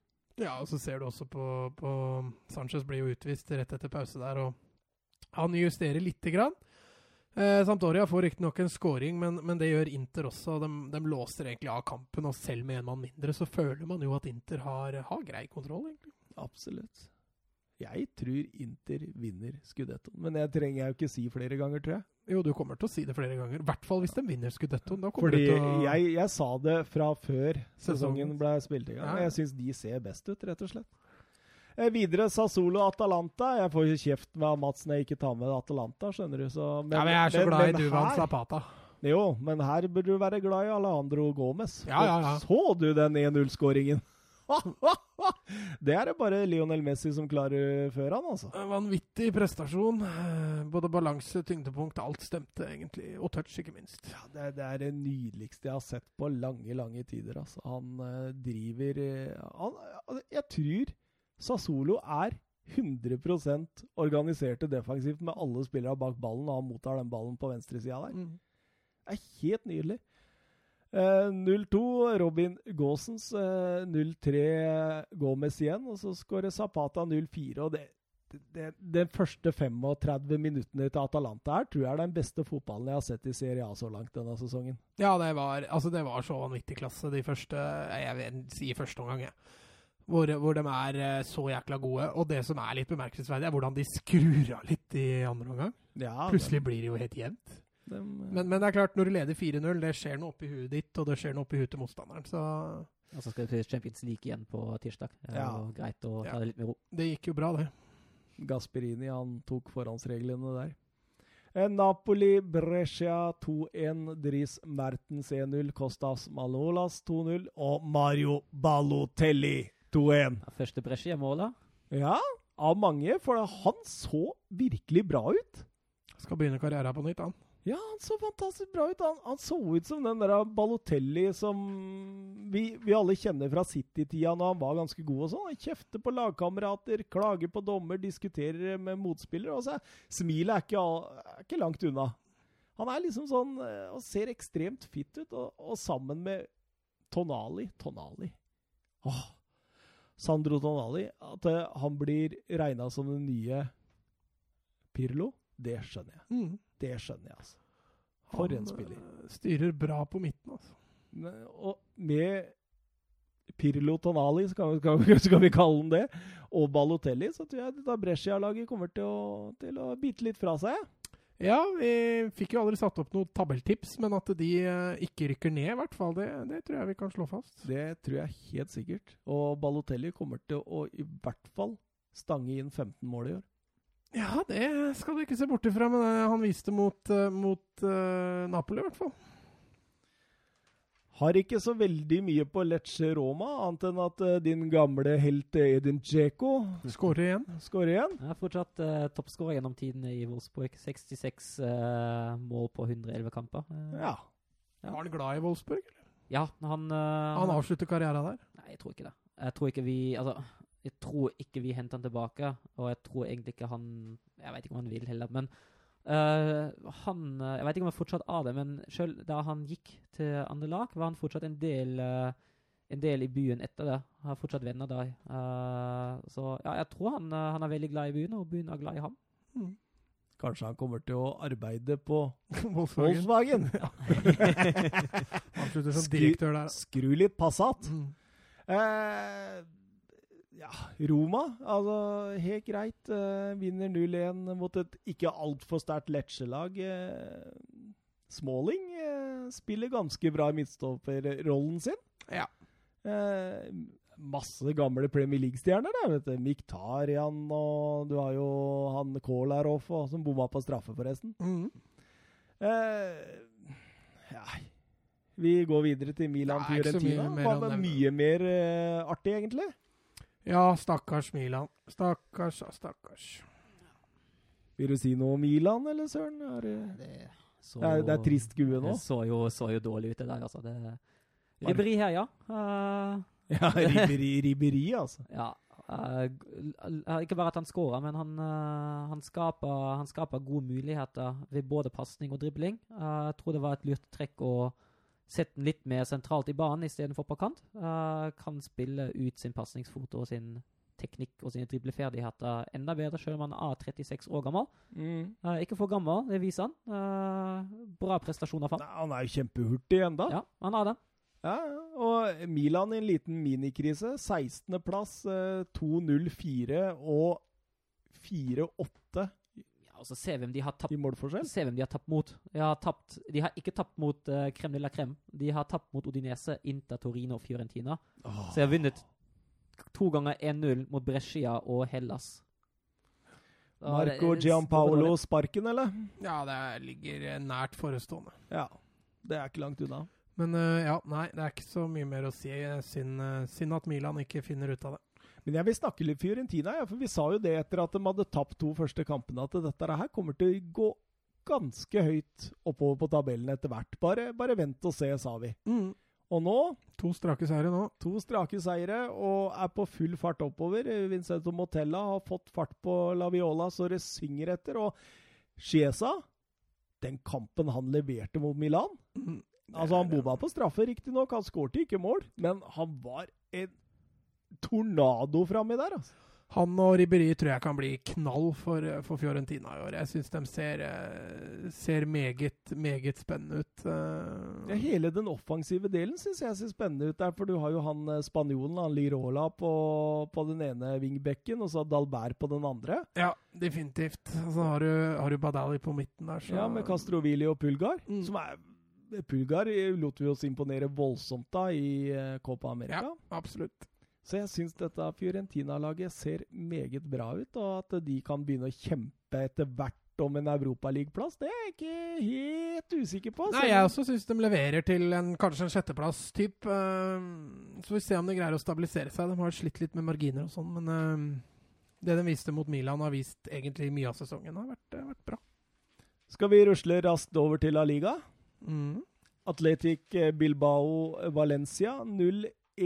Dennis Shereshev eh, eneste målskårer der etter 27 minutter. Ja. Valencia fikk den kampen akkurat dit de eh, ville. En relativt tidlig skåring, og så kan de ligge og forsvare seg. Det har jo Marcelino trent dem på nå i to år, så det, det er noe de i sånn lagmessig kan, i hvert fall. Det kunne Celades bare fortsette med. Det bygde han videre på. Du ser jo helt klart at uh, Valencia i kamper hvor det ikke er så store forventninger, type Chelsea og Athletic Bilbao, der uh, presterer de bra. I kamper hvor det forventes litt mer, type eh, 1-1 mot Leganes sist hjemme, og, og nå i Champions League i dag, faktisk, hvor jeg tror de tapte til slutt 2-0 ja, mot Ajax. 3-0. Eh, 3-0 ja, hjemme. Så de sliter når de skal underholde og, skape noe sjøl, litt sånn som United. Mm. Vi ba oss første, første tap den sesongen. Og til og med første baklengsmål de får hjemme. Og Ja, de har fått besøk av Barcelona allerede. Så, ja, Det eh, har de. Men uh, det var jo egentlig ikke kampen det ble snakka om i mediene etter kampen. Det var jo eh, det spanske fotballforbundet nå som har eh, gått ut og anklaga Mediapro, som altså sender bildene til kampen, for å ha lurt TV-seere verden rundt med eh, den offsiden, potensielle offsiden i forkant av 1-0. Mm. Eh, det er jo, altså, Mediapro hadde både TV-bildene og VAR i fjor. De mista VAR til Hawkeye før denne sesongen. Mm. Så nå driver Hawkeye VAR og Mediapro TV-bildene. Eh, Mediapro den viste sine bilder, og siden de hadde eh, VAR i eh, La Liga sist sesong, så har de også eh, verktøyene til det. Så de Mm. begynte å tegne streker og styre og røre på live TV, Ja. som viste at det var offside i Mm. forkant av målet. Men så har Hawkeye i ettertid bevist at det, det var onside. Mm. Det var en grei scoring. Og dette har jo fått han R. Rubiales og, ja. og spanske fotballforbundet virkelig på krigsstien. For dette, dette, skaper jo altså, i verste fall konspirasjonsteorier imot forbundet og, og diverse ja. sånne ting. Det er uh, slitsomt når det blir sånn, og det er mange aktører inne her. Og, og, og som du sier, TV-bildene talte jo for seg sjøl underveis i kampen, mens, mens uh, du måtte da frigi bilder i ettertid for å motbevise og sånne ting. og det, Jeg skjønner at det er fryktelig slitsomt å forholde seg til når du har solgt TV-rettighetene til et selskap, og så skaper de mer trøbbel enn det de burde gjøre. Men Rubiales han krangler med alt og alle? Ja, ja, han er ikke redd for å ta en diskusjon. eh, men ja, sterkt av Valencia der. Eh, 0-1. Det er ikke alle som henter poeng i Baskeland. Nei, det er relativt få. I år er det ingen, faktisk. Så sterkt det av Valencia. Og, og Ferran Torres var veldig bra. Ja, spesielt første gang syns jeg han var lysende, mm. faktisk. Så skal vi videre over til Getafe mot eh, Barcelona. 0-1 Lionel eh, Nei. Lionel, Lionel Suárez. Lionel Suárez. Luis Suárez og 0-2 Junior Firpo. Langlet med rødt kort. Ja, det var eh, litt mer solid Barcelona-lag. Selv om det fortsatt ser litt sånn haltende ut, så, så syns jeg Barcelona er litt mer kyniske i den kampen her. Eh, mangler jo fortsatt Messi og Dembélé der framme, som, eh, som, er eh, angrepsvåpen nummer én og to. Så at de velger å spille litt mer kynisk etter å ha gått på noen smeller, det, det forstår jeg godt. Det er jo forskjellig keeperspill her i den kampen. Det er jo Testegen ja, ja. som, eh, som leser en situasjon fantastisk, en lang pasning. Så slår han uh, den lange på Suárez, får direkte assist mm. på lobben. Så har du på den andre sida godeste Soria. Som, David eh, Soria han var ikke like god til å lese nei, spillet. Han, uh, han, har en situasjon da han egentlig kunne ha løpt ut og tatt ballen. Uh, blir en sjanse ut av det. Uh, da mener jeg han leser ekstremt dårlig, og så gjør han jo en direkte tabbe før 0-2. Og så mm. spiller han en fantastisk dårlig pasning i, i andre omgang i tillegg, som det resulterer i en Barcelona-sjanse. Altså, Langskuddet truffet Art, Arthur var det. Mm. Uh, dårlig keeperprestasjoner fram.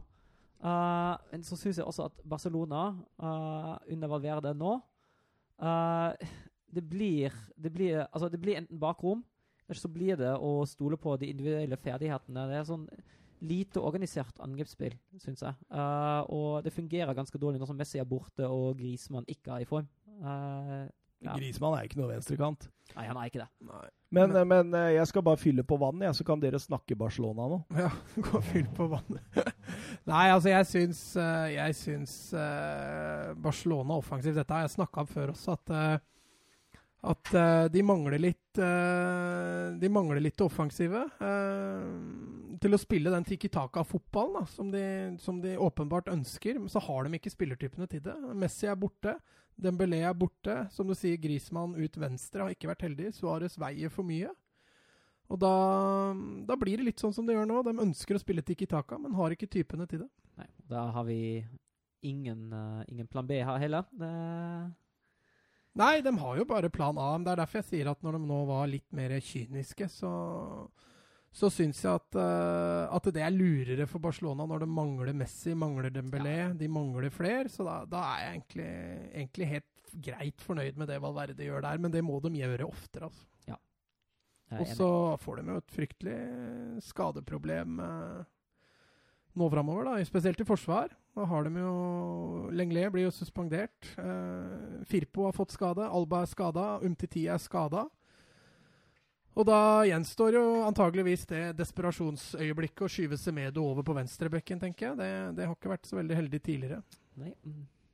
Så vi får se hva det, hva det bunner i til slutt. Ja, men, Åh, altså, det var godt med vann. Si, helt, uh, helt unødvendig av Lengle, særlig i den historien som lager han nå, å mm. få andre gule kort ja. der oppe i banen når det står 2-0 med sju minutter igjen på klokka. Det, det kan og burde løses annerledes, og det burde en spiller av hans klasse egentlig vite òg. Ja, det er jeg helt enig med deg i. Nå, nå, mangler de som sagt Alba, Firpo, Umtiti og Lenglet i neste kamp, og da sitter de igjen med Piquet og Todibo og Semedo som egentlig eneste rene forsvarsspillere igjen, så jeg regner med Roberto trekkes ned som en, en back, men uh, det er litt, uh, litt mangelvare nå i, i, Barcelona. Selv om de har gjort det bra på hjemmebane, så mangler de en del offensivt på bortebane.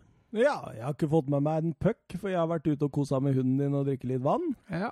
Men eh, siden vi runder to timer nå, så må vi bare hoppe videre, altså. Ja. Eh, regner med at dere dro Barcelona greit i havn. Ja, ja. Eh, Sevilla mot eh, Real Sociedad. Vi sier litt om den nå pga. at det var en artig fotballkamp. Og at Sevilla viser eh, tenner og satt eh, Real Sociedad skikkelig på bakken igjen.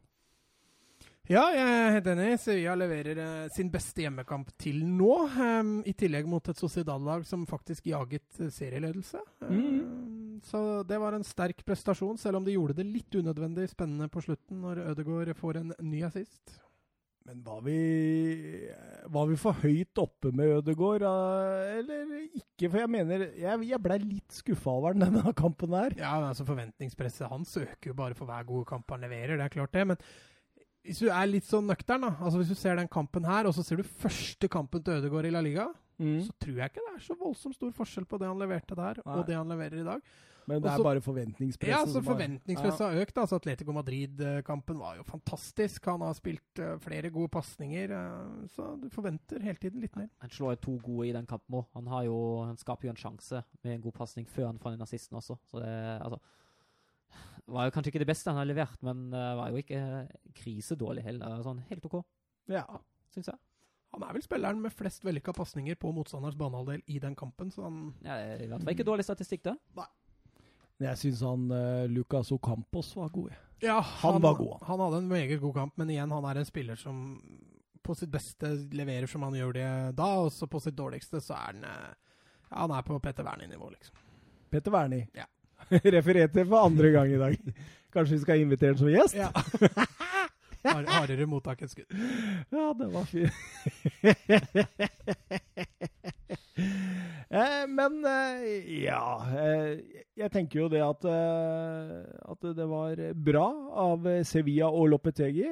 Lopetegi han fortsetter å imponere med et Sevilla-lag som kommer til å kjempe helt opp i toppen av La Liga i år. Ja, Sevilla hadde jo to strake tap før de fikk besøk av eh, Sociedad nå, så de, de måtte jo snu kjerringa, som vi sa forrige episode, uh, og er nå oppe igjen på, på sjetteplass. Og det er som sagt eh, små avstander også i La Liga, i likhet med, med Bundesliga, så er det bare fire poeng fra, fra første til åttendeplass, så det er, det er fortsatt jevnt. Skal vi ta hovedkampen vår? Ja.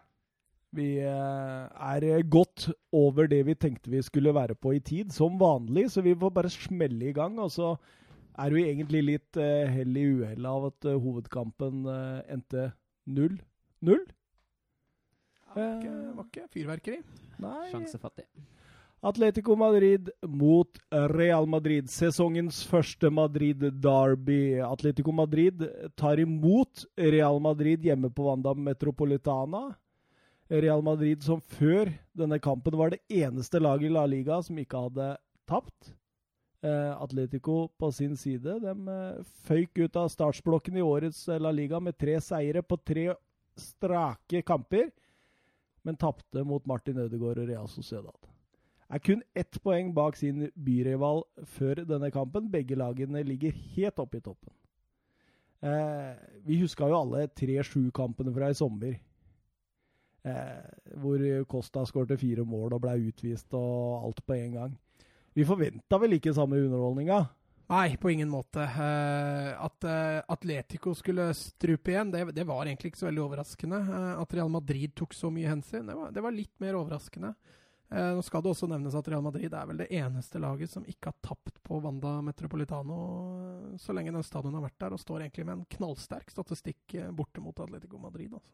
Ja, altså Tilsvarende oppgjør sist sesong endte 1-3 til eh, Real Madrid. Og Atletico Madrid har faktisk bare vunnet én av de siste 18 hjemmekampene i La Liga mot Real Madrid. Mm. Det var 4-0 i februar 2015. Ja. Atletico Madrid og Diego Simione ut i en eh, 4-4-2, hvor Costa og Felix skulle gjøre målene på topp, mens Real Madrid og Zidane var tilbake i en eh, 4-3-3, eller en 4-1-4-1, eh, når kantene ble lave. Eh, til tross for at eh, 4-2-3-1 fungerte glimrende mot Sevilla borte. Eh, tenker liksom, Det er litt rart. Eh, burde jo ha omtrent samme inngang til kampen, men Ja, men igjen er vi inne på det at jeg syns Zidane tok overraskende mye hensyn til eh, Real Madrid. Han har ikke hatt for vane å gjøre det så mye tidligere. Han har ikke vært noen sånn voldsom taktiker. Det har vi vi aldri anerkjent den som heller. Nei. Uh, I dag syns jeg, eller i dag, på, på lørdag syns jeg han tok uh, hensyn. Mm. Uh, valgte å demme opp, spille trangere, spille mer defensivt. Mer fokus på, på kontringer og dødball enn det vi har sett tidligere. kampen, Søren, åpner seg en stillingskrig. Ja. jeg syns det er én situasjon etter fire minutter som er, som er veldig betegnende egentlig for hvordan kampen i sin helhet går. Har Kroos som har ballen litt i egen banehalvdel. Og så er det to Real Madrid-spillere rundt den. Uh, men han dekkes opp av fire Atletico-spillere. Av den uh, 4-4-2-en rykker Partey og Koko opp for å skape overtall mot ballførende. Uh, Kroos har da to muligheter. Han kan slå enten tilbake til midtstopperne sine, eller så slå han på tvers. Uh, slå på tvers mot Bale, og så er Atletico kjempeflinke til å skyve over. Og så skaper de tre mot to overtall på sin venstre, Reals høyre side da òg og ender med at, uh, at Real vinner ballen. Uh, og jeg la merke til det at Sally Kroos, uh, hver gang han fikk ballen Han lå jo, han lå jo forholdsvis dypt i banen som en dyptliggende playmaker. Hver gang han fikk ballen Han fikk sjelden ro. Det var som regel alltid en Atletico-spiller rundt ham. Så her var, det, her var det klart at Simione ønsket å innskrenke pasningsspillet til Kroos. Mm. Som, som vil han tvinges da til diagonalballer. Jeg tror han slår 14 stykk. 13 av de kommer faktisk fram, så det er ganske godt gjort. Så hadde problemet at uh, Bale på andre siden, Kroos trekker igjen ut mot venstre, Bale på høyre siden har på ingen måte dagen den dagen det hele. Og Atletico har unntatt én, uh, ja, kanskje to situasjoner, gode til å, til å skyve og skape overtall mot ballfyrene. Mm. Helt riktig. Og, og, og det blei jo sånn hele kampen der, at, det, at den demma opp for hverandre hele tiden. Og eh, ja Altså, når du satt og så kampen, da, så tenkte du det at når kommer sjansene? Det var en sjanse etter åtte minutter eh, for Atletico Madrid. Et raskt brudd på midten av Kåke, som spiller opp eh, Costa på, som to touch. Får han inn i bakrom. Eh, Felix løper inn bak i blindsona til Ramos. og mister litt fart når han må ta ned ballen. kommer litt skrått på og setter ballen utafor mål. Jeg tror det der her var prototypen på plan A. Ja, det angrepet men, men, der. Men det er litt av problemet da, til Atletico var at de greide ikke å ta Real Madrid i ubalanse så veldig ofte. Uh, de greide det der, og så hadde de et par andre forsøk. Men når de først greide å ta dem i ubalanse, så mangla det litt på presisjon og bevegelse. Og mm. Veldig symptomatisk for Atletico Madrid, som skaper sine største sjanser egentlig på dødballer, og, og et Real Madrid-lag som, som, så ut som var fornøyd altså, med 0-0. Mm. Ja, det, det, er jo ikke, ikke helt tilfeldig, for den sjansen her nå er det Hazard som, uh, som mister ballen der. Uh, og når jeg sier at Bale hadde en dårlig kamp, da gjelder det i hvert fall også for, uh, for Eden. Altså, ja, for den var grusom! Å, herregud. Ja, oi, det, oi, oi. Ja. Jeg, jeg, fant en greie på Eden Hazard, jeg. hvor er det jeg har funnet å skrive inn i den? For den var litt artig, skjønner du. Men han hadde én vellykka dribling og 18 pasninger bakover. Det er liksom en Eden Hazard med 18 støttepasninger. Det høres ut som du beskriver Busquets, egentlig. Ja, det er jo helt vilt. Dette er jo en, men, en men, spiller som du er kjent med, som eh, har to mann i ryggen, så vender han likevel av og setter fart. Ja, ja, men når du møter Atletico Madrid, så har du ikke to mann i ryggen, du har tre. Ja. Eh, og så er Hazard er jo åpenbart ikke i kampform ennå. Eh, men, men, jeg er helt enig. Både Bale og Hazard hadde, hadde anonyme og svake offensive kamper. Altså. Helt enig. Um, Atletico ligger jo ekstremt tett og kompakt i 4-1-4-1 når Real Madrid er inne på deres balle. Eller Presspillet fungerer bra. Real Madrid har ikke mange nok bevegelser samtidig, Nei. tenker jeg. Altså, det går på at uh, altså Bale kommer til en halvsjanse etter et innlegg uh, dypt etter ca. 17 minutter, men det, det, blir aldri noe helt store av det. Først og fremst fordi man mangler den bevegelsen. Altså, det kommer én bevegelse, og så stopper den opp. Og så kommer en ny bevegelse, så stopper den opp. Mm. Det er ikke noe rytme i det. Og, det, og, og, og mye av det kan jo, være, kan jo være Atletico Madrid sin ekstremt sånn tighte forsvarsspill. Du så dem alltid hadde folk i sikringer. Alltid lå i balanse hele veien og skulle bare kjøre raske overganger. Eh, 30 minutter, eh, ny Atletico Madrid-sjanse. Må ta med også den pga. mangel på store sjanser. Eh, Det var eh, Trippier, Kåke og Party som spiller seg rundt på høyresiden. Party slår et innlegg langs bakken som Diego Costa nesten kommer på på bakerste. Går gjennom hele feltet eh, før han pådrar seg frispark også der.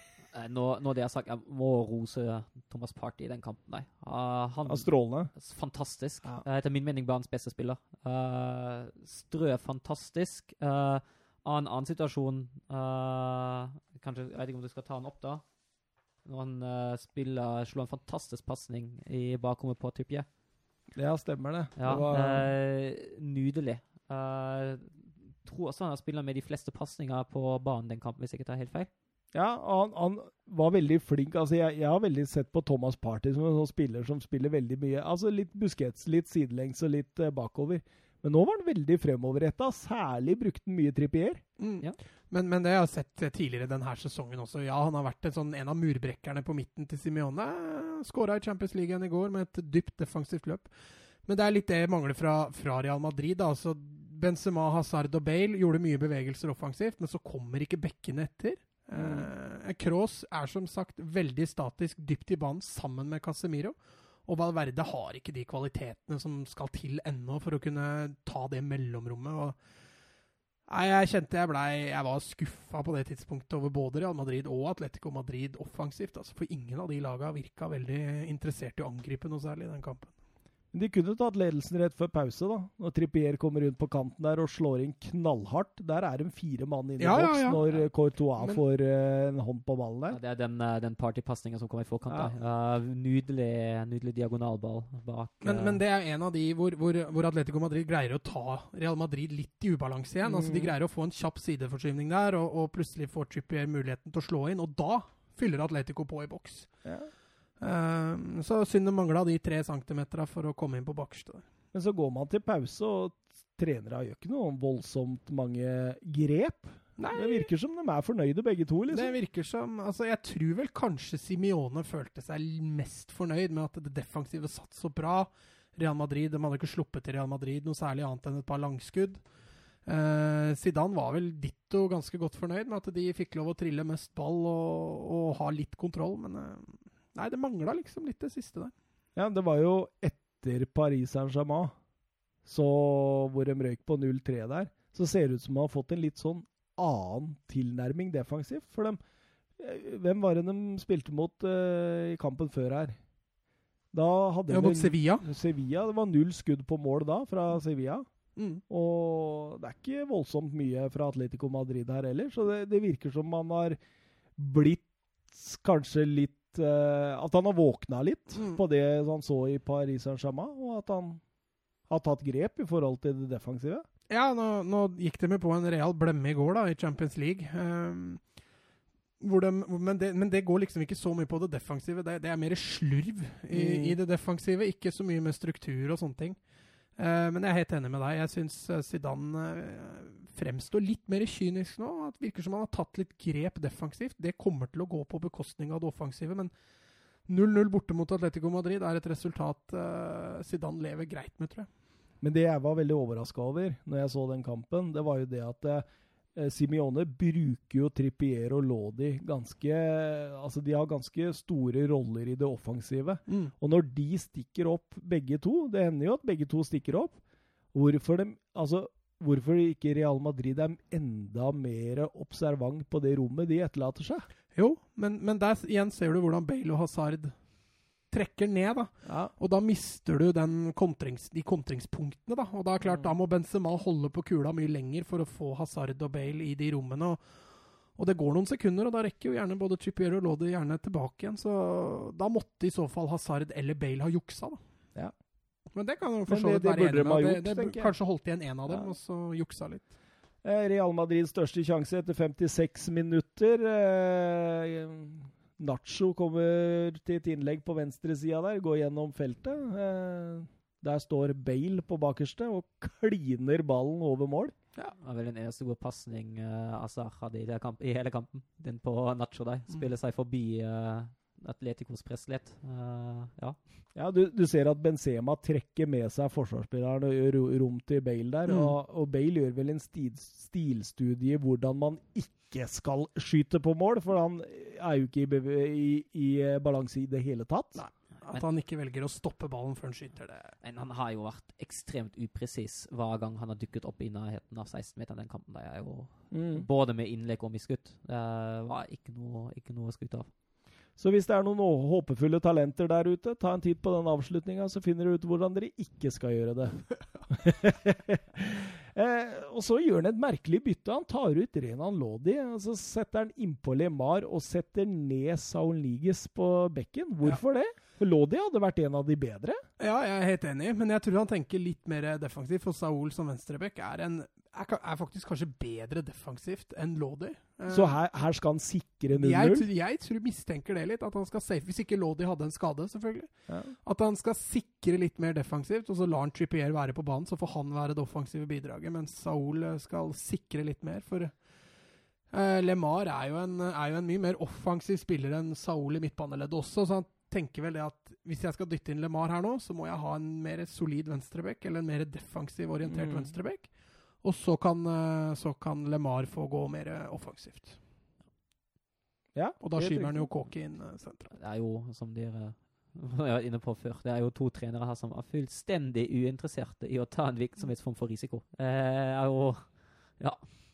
Ja, absolutt. Ja, for det er jo det, det, er det som skjer der. At han, han, får noe når han bytter inn LeMar noe offensivt, men han har ikke lyst til å miste det defensive på venstresida. Mm. Ergo kjører ned en venstrebekk som er fortsatt uh, er litt mer disiplinert defensivt, så får han en LeMar offensivt. Men uh, det resulterer jo i verken det ene eller det andre, egentlig. Nei, 72 minutter, sjanse på dødball. Eh, Kåke header den rett utafor. Den mm. kunne mm. vært skjebnesvangert. Og fem minutter etterpå kommer Real Madrid på en stor sjanse. De, for første gang i hele kampen så så man begge bekkene til eh, Real eh, storma i angrep samtidig.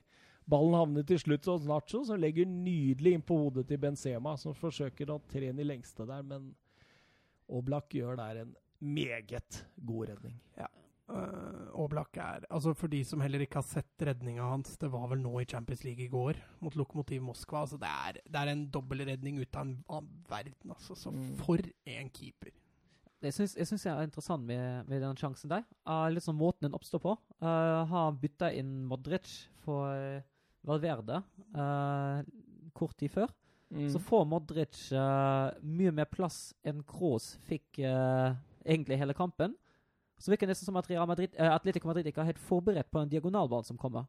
Fordi mm. de, var, de, var, veldig forberedte på de som kom fra Kroos, ja. men de virker helt tatt på senga av den fra Modric. Og det er en av de få gangene de virkelig forskyver ekstremt dårlig ut mot, mot sin høyre og Reals venstre angrepsside mot Nacho. Der får han for mye plass. Og så er det Benzema styrke i boksen, da, som uh, nesten avgjør kampen. Mm. Men så er det jo Ja, det er også verdt å, verdt å nevne da, i forhold til midtbanen til, til Real Madrid med, med, Casemiro, Valverde og Kroos. Det er jo de tre mest defensive sentrale midtbanespillere han har å velge mellom. Mm. Modric var vel ikke helt i kampform, men, men både han og Rodriguez eh, og Venicius Junior sitter jo på benken, så ja. Også et lite tegn på hvor, hvor han, han, prioriterer det defensive. Så når du sier da, når Modric kommer inn der for Valverde, så så ja, jeg vet ikke om Atletico var litt uh, sov litt i timen.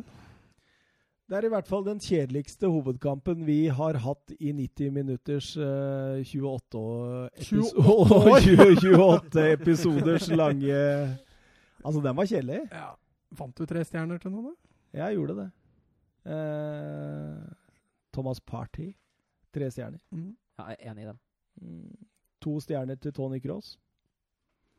Syns han var bra. Og så har jeg ikke bestemt meg til José Jiminez eller Kieran Trippier. Litt usikker. Så jeg gir den til Trippier av gammel Tottenham-hjerte. Ja, gjør det, for da har vi akkurat den samme lista. Så. Det er artig. når vi Men jeg, jeg må si det at Trippier i Atletico Madrid ja, bra. Makan, ass! Mm. Ja, han, har bra. han har vært helt fantastisk. Og det, og det samme har Lodi vært. Jo, jo, jo, jo, for all del. Men, men uh, engelske spillere i La Liga har ikke alltid vært uh, like heldige. Uh, Blir litt solbrente, som vi ja, har sagt. og, og Chipier har bare gått inn der med en gang og tatt den høyrebekken. Og, og, Santiago Arias, som var vel hans hovedkonkurrent, det er ikke i nærheten engang av det Chipier har levert. Så Chipier ser ut til å bli et kanonkjøp altså, for Atletico. Er du enig, eller? Trippier? Ja, ja, altså han har, han har vært bra, men jeg syns, han mangler litt presisjon i angrepsspillet. Uh, jeg er veldig enig i tre på Party og to på Kroos. Uh, selv om Kroos får en vanskelig kamp, han slår fortsatt presist. Han gjør det bra. Han har to gode langskudd. Uh, men jeg har lyst til å gi den ene stjernen til Oblak, som faktisk spiller en feilfri kamp, som redder det som kommer, og som har en matchvinnerredning uh, kvarter før slutt. Det er, det er lov. Det er helt klart ofte vi gir stjerner til keeperen. Nei, det, det er Jeg sjelden. spiller keeper sjøl, så det er litt keeperhjerte har jeg. Du, du er keeper sjøl? ja, men være på bedriftsfotballag. Ja, ok. Bane Nor bedrift og Ja, det er fotballag? faktisk universitetet. Ja, universitetet, ja. Jøsses. Volkswagen sitt bedriftslag. Ja, jeg spiller for Wolfsburg. Eh, Jørgen Nystuen eh, kommer med en eh, her. Eh, Norges beste fotballpodkast skal levere varer igjen, ja? Det er artig. Det er artig.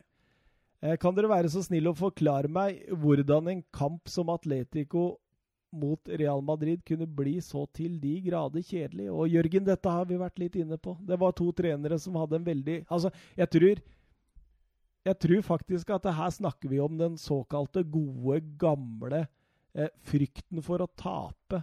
Beseiret eh, gleden over det å vinne, på en måte. Men, men jeg følte jo det at nerven og spenningen under kampen var jo der. Eh, men jeg er helt enig med deg. Det var, eh, det var to lag som frykta et baklengsmål mer enn de ønsket å skape et eh, eget produkt der. Så selvfølgelig veldig trist når sånne kamper blir, havner i det sporet, rett og slett. Sigbjørn Flatnes Bø, siste Twitter. Eh, Hvilket lag har overrasket mest så langt denne sesongen? Eh, og da er det jo overrasket mest positivt eller, eller negativt. Det er litt sånn Er det alle ligaene, eller? Er det Ja, det var veldig generelt, dette her. Jeg har en klar favoritt her. Eh, Freiburg. Lille Freiburg i Tyskland, som har 13 poeng etter seks runder og ligger på tredjeplass. Det er sterkt. Det det er veldig sterkt. Det er- Skal, skal vi se hvor vi har Freiburg på i vår eh, ligatips her, eller? Ja, de ligger på 15. Ja, det er jo cirka, det er jo, De hører jo hjem på, på andre halvdel av tabellen. De har en veldig god trener i Christian Streich, men de har jo veldig få ressurser og er egentlig et lag som kjemper veldig ofte mot nedrykk. Eh, Veldig få positive utviklinger på tabellen. Jeg tror vi var i Europa League to ganger eller noe sånt. Men Ja. uh, tredjeplass etter seks runder, det er sterkt. Det hadde jeg ikke regnet med. Nei, jeg Granada kan vi dra inn. Ja, Hvis vi bare gjør oss ferdig med Bundesliga, da, så skuffelsen må bli Hoffenheim, da. Ja, men vi, vi, skal ta, vi, skal, vi, skal, vi, skal ta en positivt overraskelse og skuffelse fra hver liga. Ja, Det kan vi godt gjøre. vi gjøre. Ja, Ja, men Da er vi enige om den. Freiburg, og så sier vi foreløpig Dortmund i Tyskland, eller? Ja, jeg setter Hoffenheim egentlig lavere enn det. Ja. Så jeg trodde de skulle komme med mer. Altså. Ja, jo. Jeg tenker med, tenker med Hoffenheim, så Dortmund ligger jo bare tre poeng bak Bayern. Det, Ja, men det er liksom noe med spillemessig der òg som jeg syns ikke alltid fungerer. At det ser så skjørt ut at jeg tror liksom Ja. Vi, vi snakka om seriegull før sesongen, at det kunne være det, men jeg syns ikke det ser i nærheten ut. Jeg, jeg Nei, jeg er helt enig i at at de- Dortmund under Favre tar seriegull. Men de, de varierer mye. Men posit- altså, de har jo levert toppnivå også, og det er jo fortsatt skyhøyt. Men jeg er helt enig i at de varierer jo altfor mye, og resultatene har vært for dårlige. Men uh, Hoffenheim, jeg ser ikke at de skal greie Vi har dem på sjetteplass. Jeg ser ikke at de skal havne i nærheten av det engang. Sånn som ikke de har levert det nå. Så liksom. er jo Schreuder er jo som sagt en liten, en liten joker. Det er sånn vanskelig å bedømme hvor god han egentlig er. Altså, kan, fort, uh, kan fort ende opp med å ikke overleve sesongen på benken der. Mm. Nei, jeg tror det. La Liga, Granada. Ja, der er det Granada. Vi kommer vel ikke utenom eh, Granada, som ligger på andreplass. Uh, Ett poeng bak serieleder Real Madrid, så de, eh, de har gjort det bra. Skuffelsen i Real Betis. Det må vel nesten bli Betis, kanskje Getafe, men eh, at Getafe skulle havne Det vi. Det, Det kunne vi. jo mistenke litt Ja. på forhånd. Det er samme som å si at Wolverhampton er den største skuffelsen i Premier League, liksom. Det, det skjønte vi, at det er, dette kommer til å bli tyngre nå. Ja, ja, så skuffelsen i Premier League er vel Everton og Wolverhampton, kanskje? Ja.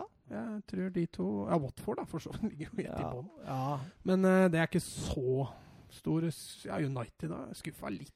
Litt skuffa. Nei, eh, helt forventa. Ja, jeg forventer det faktisk. Eh, forvent, altså, forventer ikke at de skulle ligge så langt, men jeg forventer at det blir ikke en bra sesong, med tanke på Solskjærs fullstendige fravær på offensivt spill. Da, blir det dårlig. Det, det er Så altså har jo. Tottenham skuffa litt i Premier League så langt. Jeg må, jeg må innrømme det. Ja, eh, Leicester, kanskje? Westham?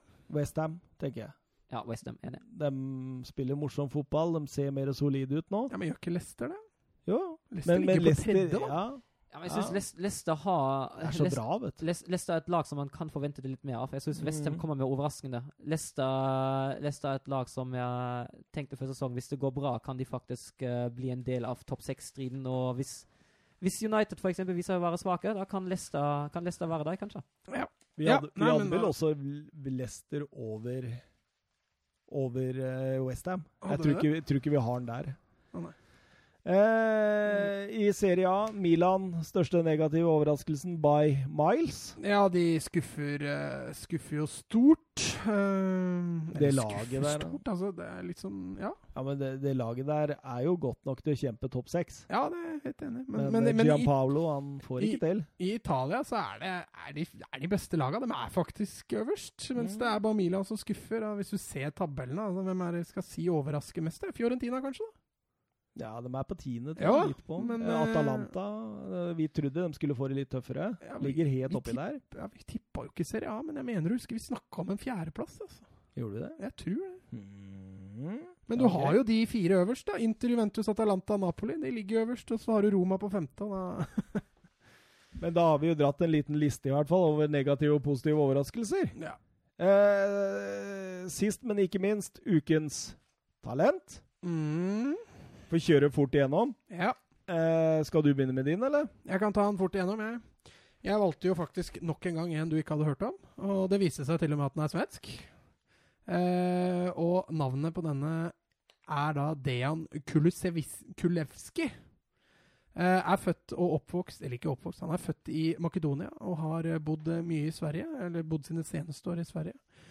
Eh, ble plukka opp av Atalanta som 15-åring. Flytta til Atalanta eh, og gikk på utlån nå da til Parma. Eh, det var der jeg plukka han opp nå denne runden. For Ja, han både skåra og assisterte nå forrige serierunde for, eh, for Parma. Ok. Hvor gammel er han? Han er 19, Ja. så han er ikke så gamle karen. Eh, og er altså da utpekt til å ta over for Josep Ilcic i Atalantas tierrolle bak, oi, eh, bak spissen. ja. Eh, litt høy, hengslete type. Han er eh, nesten 1,90 høy. Eh, Skeivbeint, eller venstrebeint er kanskje litt eh, mindre eh, Litt mer riktig å si. Eh, trekker mye innover som kantspiller, og kan derfor også være en god erstatter for Ilcic eh, i den hva skal vi si, hengende spissrollen da, bak, bak Zapata. Allerede neste år, kanskje. Mm. Har som sagt levert så langt seks kamper for Parma. Skåra ett mål, tre assist. Og har allerede spilt en, eh, spilt en god del kamper. Har uh, allerede da fått tre landskamper for Sveriges U21-landslag i en okay. alder av 19 år. Ja. Har ikke riktignok scora der, men har jo da fått, uh, har jo da fått uh, totalt ja, Nå klarer jeg ikke å regne opp i huet, men han har for lengst passert 40 landskamper for Sverige på U-landslagsnivå. Han har også U16-landskamper for Makedonia. Så det er min spiller. Det er den første nordiske, da. Det blir det, da. Mm. Skråstrek makedonsk. Vi får føre den opp på lista etter hvert. Eh, gjesten kan ikke komme sist, så da lar jeg deg presentere din. Ja, takk. Det er Josh Sargent. Jeg nevnte den så vidt i den uh, lista over de fem uh, i stad. Ja. Uh, 19 år gammel. eh, US-amerikaner.